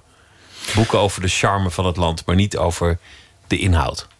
Ja, over het algemeen zijn dat, uh, is dat uh, wat wel lichtere genre wordt genoemd, journalistieke genre. Ehm, daar zitten hele mooie uh, werken tussen trouwens. Ik, ik wil er zeker niet badinerend over doen. Um, maar dit was destijds het verzoek om nou eens een, een, overzicht te geven van die hele geschiedenis.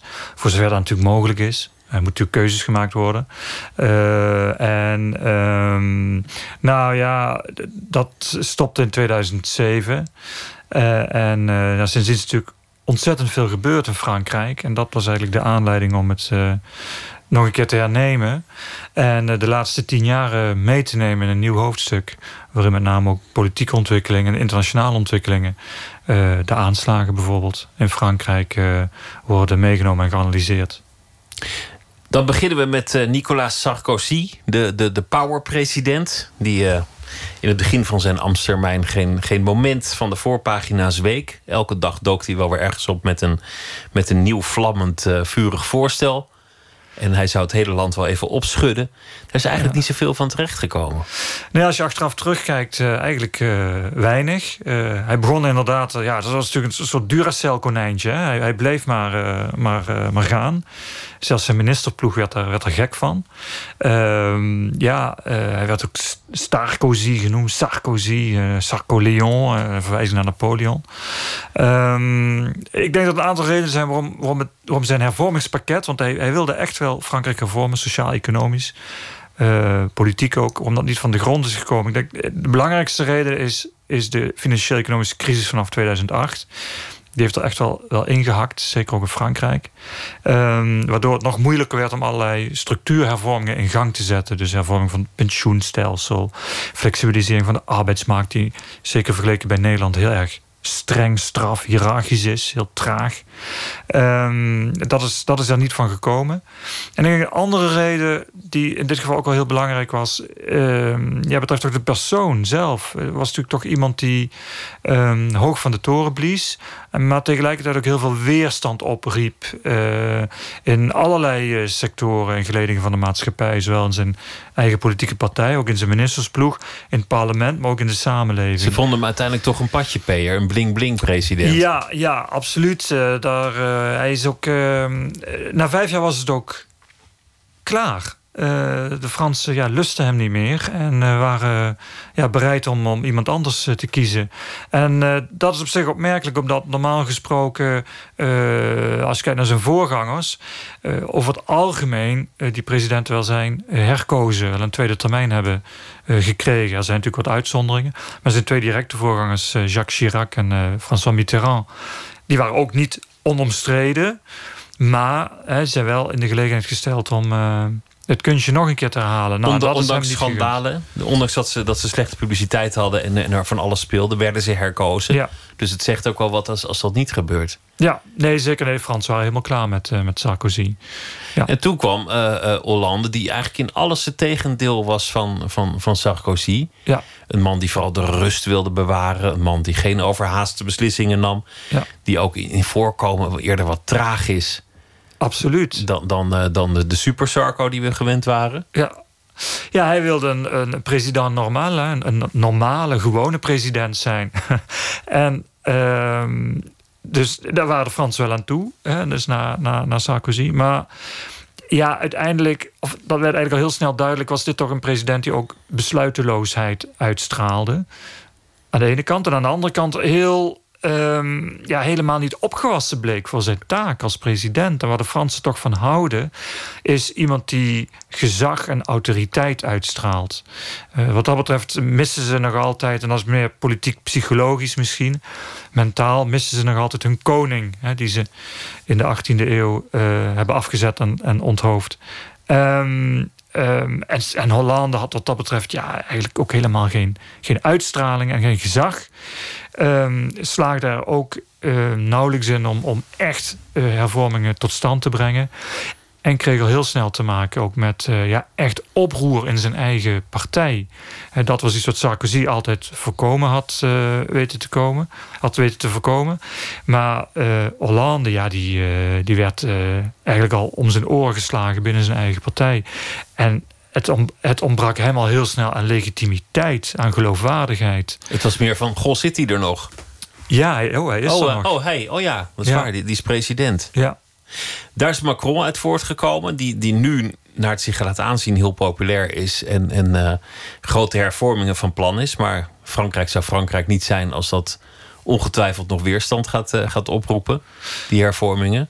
Zeker, eh, dat, dat, dat gaat niet van, vanzelf. En dat zal Macron ook wel ervaren. Ervaart hij ook al een heel klein beetje.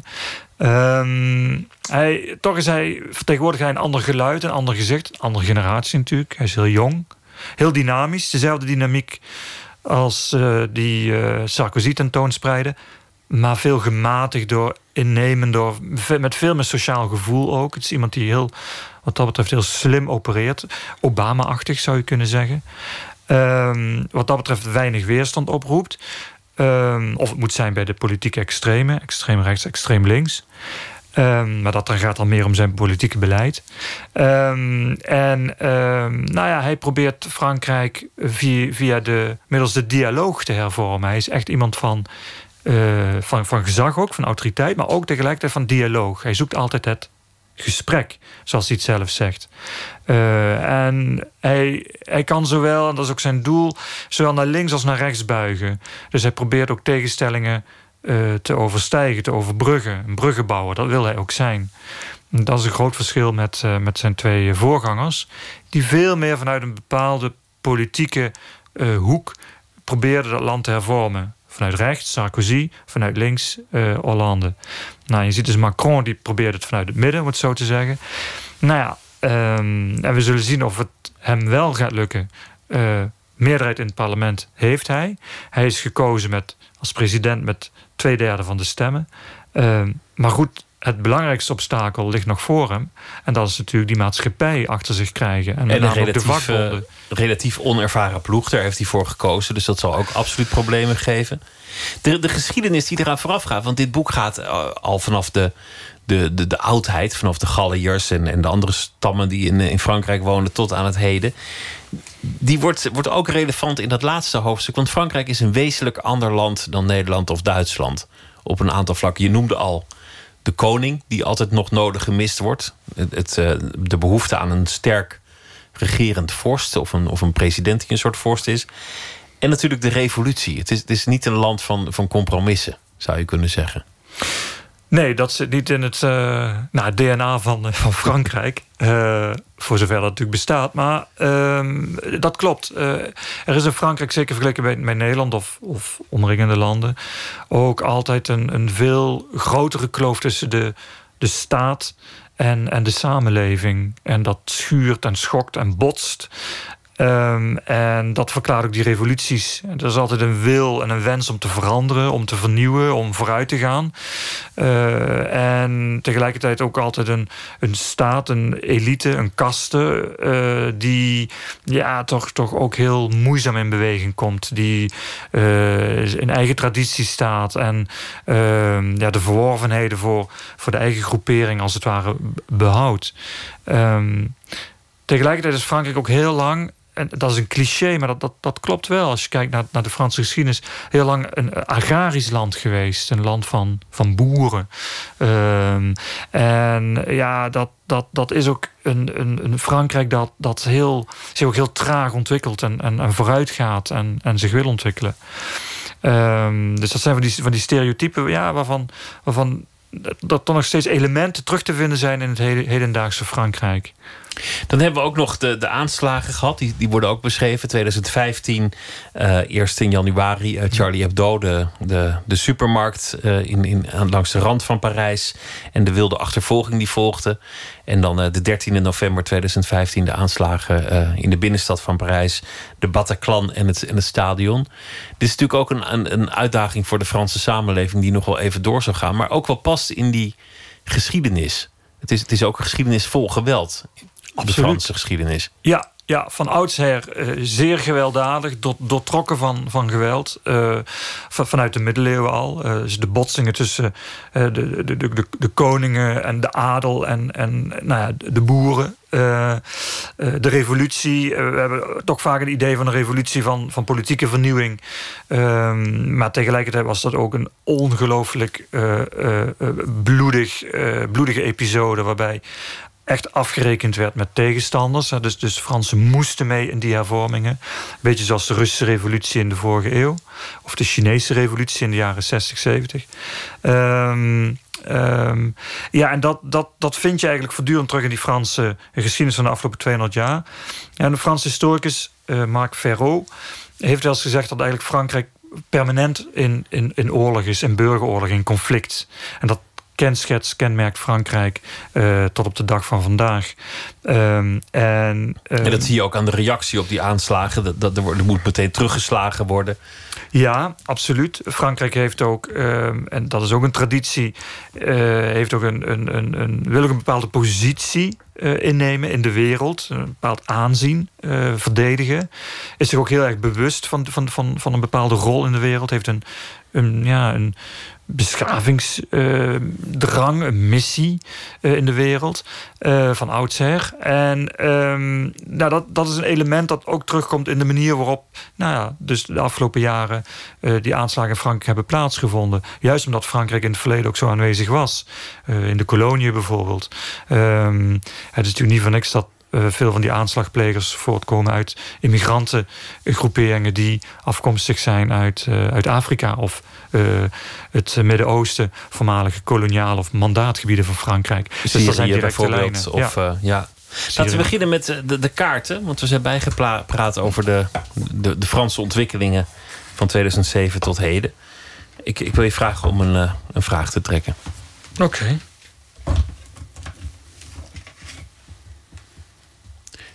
Kan je leven voor wat je doet? Nou, dat, lijkt me wel. Als je een baan aan de universiteit hebt, moet dat toch wel lukken.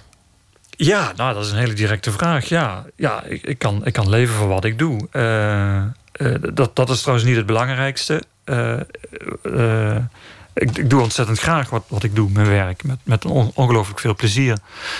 Ehm, het werk aan de universiteit met, met, met studenten. Eh, het lesgeven. Eh, en de combinatie eh, ook. eh, dus lesgeven aan de ene kant, dat contact met, met de jongeren. Dus iets bijbrengen. Zelf ook heel veel van leren voortdurend. Omdat ik in contact ben met ehm, die studenten. Eh, en het onderzoek doen. Dus die combinatie. En, en daarin heel veel vrijheid hebben. Dat is toch heel belangrijk, denk ik. Maar Ook toen je ging werk. studeren en, en promoveren, toen was het, was het helemaal niet vanzelfsprekend dat dat geld op zou gaan leveren. Dit waren, waren ook toen geen studies waar het vanzelfsprekend was dat je een baan aan een universiteit zou krijgen. Nee, dat klopt. Maar goed, daar heb ik voor gekozen. Ik ben ooit begonnen eh, met een studie bedrijfskunde. Omdat daarvan juist werd gezegd, eh, eind jaren tachtig... daar kun je een, een boterham mee verdienen. En ehm, daar, eh, daarmee kun je je toekomst, nou ja... eh, wat betreft werkgelegenheid en, en inkomen verzekeren. Maar ik ben daarna, eigenlijk na, een jaar ben ik daar gillend weggerend. Ik, ik vond dat helemaal niks. Ehm, dat was niet mijn, eh mijn pakje aan, niet mijn studie. En toen heb ik ervoor gekozen wat ik eigenlijk altijd graag wilde doen. Dat was geschiedenis en talen. En toen ben ik uitgekomen bij uiteindelijk politieke geschiedenis en Frans. Ehm, ja, en daarin heb ik, heb ik een hele duidelijke keuze gemaakt. En verder ook niet echt stilgestaan bij het feit of ik daar nou wel of niet later een dik of minder dik betaalde boterham mee zou kunnen verdienen. Ehm, ik, ik ben gaan doen wat ik, wat ik heel graag wilde doen. En nou ja, dat, dat hou ik mijn studenten ook altijd voor. Want eh, we krijgen nog steeds heel veel eerstejaars ehm, elk jaar in september. En ehm, nou, ik moedig ze altijd aan. Eh, goede keuze, dappere keuze, maar ook geloof erin en, en, en ja, eh, ga ervoor. En, ehm, de geschiedenis is een ongelooflijk mooie opleiding en je kunt daar zeker een, eh, een hele leuke baan mee, eh, mee vinden. Laten we nog een vraag doen. Welke beslissing zou je het liefst terugdraaien? Welke beslissing zou ik het liefst terugdraaien? Eh, dat is een lastige. Ehm tja, wat zou ik nou liefst terugdraaien? Waar zou ik op terug willen komen? Eh daar moet ik over denken. Schiet me nou niet meteen 1, 2, 3 iets te binnen. Ehm nou, wat ik net aangaf, daar zou ik zeker niet op terug willen komen dus. Eh, ehm, ja, keuzes die ik heb gemaakt. Moeilijk, vind ik heel moeilijk. Nou, dan, dan, dan is Ja. het er misschien niet. Ja, er zal iets zijn, maar ik... ik- Dan misschien dat je niet in Frankrijk bent gaan studeren meteen. Nee, maar dat wilde ik niet. Nee? nee, nee, nee. Ik, ik, ik, ik, ik heb twee jaar in Frankrijk gestudeerd. Eén jaar in Tours, in de provincie. Prachtig, was geweldig. En één jaar in Parijs, aan het eh, ja, gerenommeerde Instituut Politiek, Instituut voor Politieke Wetenschappen. Ehm, maar ik had al toen al zoiets van: ik wil hier niet, eh, ik wil hier niet verder. Ik vind, vind het geweldig hier. En, eh, maar ik vond het systeem heel, eh, heel moeizaam. Eh, het gaf- toch heel weinig mogelijkheden, vond ik. Ehm, en ja, wat dat betreft heb ik daar ook nooit spijt van gehad. Eh, ik, ik, ik kom er nog geregeld. Ik heb veel contacten met, met, met collega's. veel vrienden die er wonen. Ik heb dan op die manier een hele leuke, mooie, interessante band opgebouwd. Zowel professioneel als, als privé. Maar nee, daar heb ik nooit, eh, nee, dat heb ik nooit overwogen. Nee. Ehm, Het boek is er. De Razende Republiek Nikpas. Dank je wel en eh, heel veel succes. Dankjewel. My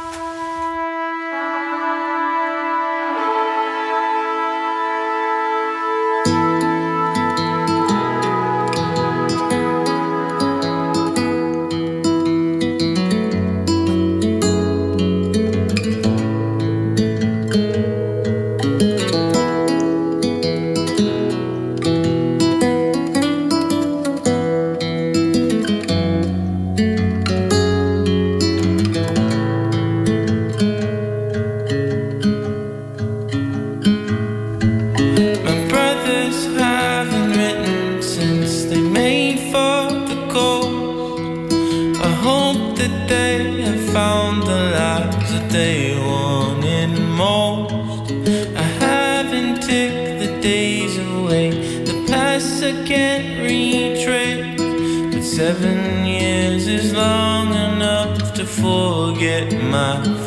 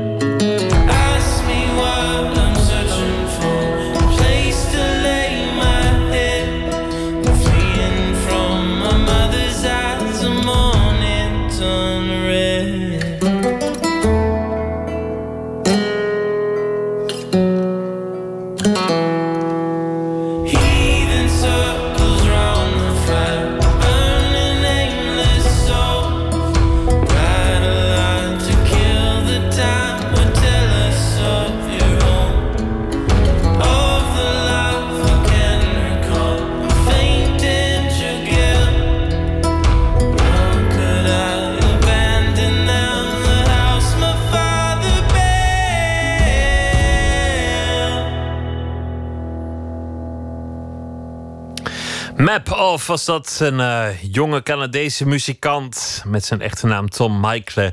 En dit nummer heet Nimbin van het eh, album Northern Star A Perfect Stone. Eén minuut, een reeks verhalen in 60 seconden. En deze is eh, gemaakt door René van S. en heet Haar Lucht. Eén minuut. Ja, ik weet nog goed, ja, wij brachten ze weg naar Amsterdam. Nou, toen was ik eigenlijk helemaal lam geslagen. Ik had nergens geen zin meer in, ik kon alleen maar huilen. En het enige wat ik kon doen, is gewoon naar haar kamer gaan. Waar alles nog lag zoals het was. En eh, ja, de kleren hingen daar, de spulletjes hingen daar en de bed. Want ik heb nog andere dochters en die zeiden van... mama, kom bij jou slapen. En ik had zoiets van nee. Want als jij in het bed van Romy komt slapen... die moet ik dan eigenlijk weer verschonen. En dan ben ik heel haar, snap je, haar, haar, heel haar lucht kwijt. Dat vond ik helemaal niet fijn. Ik denk, nou, ja, dat moet niet gekker worden. Of de kleren die daar lagen gewoon heel de tijd aan ruiken van... oh, ik heb ze nog even. Ja, je jongste dochter wil je toch beschermen... En ik had zoiets van, nou, die houdt het nog geen week vol. Die kan gewoon niet zonder mij. Maar ik denk dat mijn dochter zoiets had van, nou, oh heerlijk, eventjes weg van mijn moeder.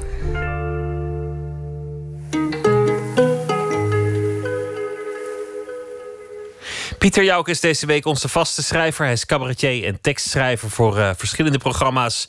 Waaronder Zondag met Lubach en Padoen Pats. En hij heeft ook een voorstelling die nog te zien is in de theaters. Dingen die ik dacht. Pieter Jouke, goeienacht. Goeienacht. Een verhaal bij de dag. Wat, eh, wat is het vandaag geworden? Het is, eh, ik had, je, heb, je, hebt je, eens van die dagen die, die heel goed zijn, toch? Dagen die heel goed zijn? Ja, toch? Ja, die heb je soms. Ja, nou, en dit was dan zo'n andere dag. Oh ja. En, en eh, dus ik was, een- ik was, ik was op, zit in mijn vechtsport Krav en ik had het weekend echt veel klappen gehad. En ik dacht, ik ga vanavond ga ik weer proberen en dat bleef een beetje zo doorgaan. Dus ik was een beetje letterlijk ter neergeslagen en toen viel mijn, mijn, mijn oog op een berichtje dat het, dat het financieel weer wordt gerommeld. En ehm, nou, dat, dat kon ik even niet hebben. Dat er financieel weer wordt gerommeld. Wat, wat, eh, wat bedoel je daarmee? Nou, de, de AFM, de, Autoriteit Financiële Markten, die houdt allerlei eh, processen en, en producten en bedrijven in de gaten. eh, in de financiële sector. En eh, je hebt daarbij accountants, accountantskantoren. En dat zijn eigenlijk de, ehm, de mensen die, die alle bedrijven controleren. Dus die moeten zorgen ervoor dat, het allemaal eerlijk en controleerbaar is. En, en daarvan blijkt nu dat die ook gewoon allemaal niet deugen. Voor, voor de tweede keer in drie jaar. Nou, dat heeft vast een mooi verhaal opgeleverd. Ga je gang. De AFM, de Autoriteit Financiële Markten, het zou de waakhond moeten zijn van onze financiële sector. En aan mensen die niet precies weten wat onze financiële sector is, zou ik willen zeggen, je bent zuur en je betaalt te veel. En voor iedereen die wel weet wat onze financiële sector is, je bent ook zuur en je betaalt ook te veel. Financiële mensen zijn niet te vertrouwen. Gewoon niet. Niet een beetje. En ook niet een heel klein beetje. Gewoon, gewoon echt niet. Niet. Dus ook als ze zeggen dat ze wel te vertrouwen zijn, dan zijn ze juist niet te vertrouwen. En dat is ook niet gek, want hun, hun product is geld. En ze maken winst op geld. Dus het is hun taak om zonder enig moreel besef ervoor te zorgen dat ze geld verdienen. Dat is hun kader, geld verdienen. Dus niet de wet is hun kader, maar geld verdienen. Dus als je voor nog meer winst de wet moet overtreden, dan maak je een risicoprofiel. En als het risico heel klein is, dat de boete of de schade die je oploopt als je betrapt wordt kleiner is dan de winst, dan moet je gewoon de wet overtreden. En aan die mensen vertrouwen wij ons dagelijks geld, ons spaargeld, ons reisgeld, het geld van onze kinderen, onze huizen, onze leningen, onze verzekeringen en onze kabinetsformatie toe. Ik heb zeker 50 goede vrienden, minder goede vrienden en kennissen die in de financiële sector werken. En daarvan neemt er maar één zijn morele kompas mee naar zijn werk. En dat zeg ik alleen nog maar omdat mijn vrienden me op dit wantrouwen gaan aanspreken. En op deze manier kan ik tegen ze allemaal individueel zeggen dat zij die ene uitzondering zijn. Maar goed, terug naar de waakhond, de AFM. Die heeft 32 jaarrekeningcontroles onderzocht van beursfondsen en banken. 19 daarvan, dus 19 van de 32, bleken ondeugdelijk. Dat is ongeveer 60 procent. De beoordeelde controles kwamen van grote kantoren zoals Deloitte, KPMG, PwC, Grant Thornton. En drie jaar geleden werd al eenzelfde controle gedaan. En toen werden er boetes uitgedeeld. Boetes van tonnen tot miljoenen. Maar blijkbaar waren die lager dan de winsten. Want nu, drie jaar later, is er niets veranderd. Of ja, toch wel, het aantal ondeugdelijke controles is gestegen met 15 procentpunt. Kijk, misschien dat ik het allemaal niet goed begrijp hoor. Maar waarom leren we hier niets van? Ik heb een idee. Als we nou de boetes voor dit soort bedrijven vertienvoudigen... en we geven dat geld aan de stakende onderwijzers in het basisonderwijs... dan kunnen zowel de accountantskantoren als de kinderen hier een hoop van leren. Een duidelijk betoog. Pieter Jouke, dank je wel. Goeienacht en heel graag weer tot morgen. Goeienacht.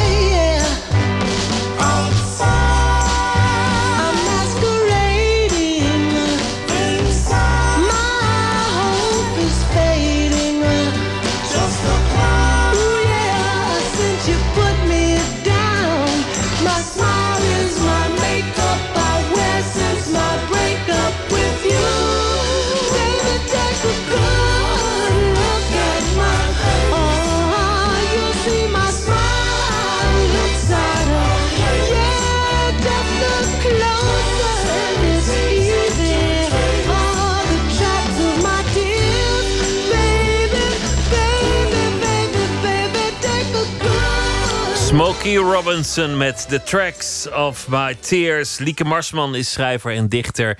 En ze heeft een gedicht dat heet Wiegeliedje voor wie alles moet.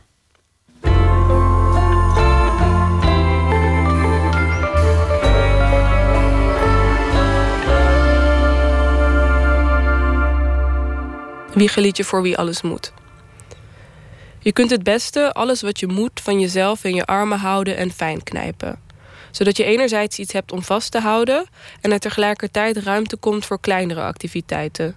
De sapcentrifuge aanzetten, een vergiet pakken, de gaslang laten repareren, kijken of er post is. Waarschijnlijk heb je een brief gekregen met goed nieuws erin. Iemand wil je geld geven en jij hebt al ja gezegd. En je blijft ja zeggen. Tegen kersen in een bakje leggen voor de gasten. Tegen zin hebben in het Eurovisie Songfestival. Tegen iedere week een cryptogram oplossen met je moeder. Oh, je kunt wel bang worden van een verkeerd geplaatste letter of een film met onheilspellende afloop. Maar oh, word maar niet bang van een zich opnieuw aankondigende ochtend die je mogelijk onbeantwoord lief laat hebben, want dat is geen duidelijk aanwijsbare reden, die ik overigens voor je weg wil nemen. Oh, je kunt wel bang worden van een te laat betaalde rekening, maar oh, word maar niet bang van een te vroeg uitgesproken verliefdheid. Kom, dan gaan we gezellig in een klein karretje door een graslandschap rijden en onder aan de heuvel druivensap drinken. Het moeilijke aan ouder worden is niet dat je steeds verdrietiger wordt, maar dat je steeds meer woorden krijgt om je verdriet te beschrijven. En als je het kunt, moet je het doen. Dat is waar. Maar ik heb hier een vliesdekentje neergelegd en ik leid je er hand in hand naartoe en het is hier warm en je bent hier veilig. Oh. Dit is een gedicht uit mijn tweede bundel. Ehm, het gedicht heet Wiegeliedje voor wie alles moet. Het is een soort ehm, weerwoord op eh, alle dingen die ik eh, verderop in de bundel moet van mezelf. Of Wiegeliedje voor wie alles moet. Je kunt het beste alles wat je moet van jezelf in je armen houden en fijn knijpen. Zodat je enerzijds iets hebt om vast te houden en er tegelijkertijd ruimte komt voor kleinere activiteiten. De sapcentrifuge aanzetten, een vergiet pakken, de gaslang laten repareren, kijken of er post is. Waarschijnlijk heb je een brief gekregen met goed nieuws erin. Iemand wil je geld geven en jij hebt al ja gezegd. En je blijft ja zeggen. Tegen kersen in een bakje leggen voor de gasten. Tegen zin hebben in het Eurovisie Songfestival. Tegen iedere week een cryptogram oplossen met je moeder. Oh, je kunt wel bang worden van een verkeerd geplaatste letter of een film met onheilspellende afloop. Maar oh, word maar niet bang van een zich opnieuw aankondigende ochtend die je mogelijk onbeantwoord lief laat hebben, want dat is geen duidelijk aanwijsbare reden, die ik overigens voor je weg wil nemen. Oh, je kunt wel bang worden van een te laat betaalde rekening, maar oh, word maar niet bang van een te vroeg uitgesproken verliefdheid. Kom, dan gaan we gezellig in een klein karretje door een graslandschap rijden en onder aan de heuvel druivensap drinken. Het moeilijke aan ouder worden is niet dat je steeds verdrietiger wordt, maar dat je steeds meer woorden krijgt om je verdriet te beschrijven. En als je het kunt, moet je het doen. Dat is waar. Maar ik heb hier een vliesdekentje neergelegd en ik leid je er hand in hand naartoe en het is hier warm en je bent hier veilig. Oh. Wiegeliedje voor wie alles moet van Lieke Marsman was dat. Morgen in Nooit meer slapen komt Lex Harning op bezoek. Radiopionier en kunstverzamelaar en nog veel meer andere dingen. Dat morgen, voor nu een hele goede nacht.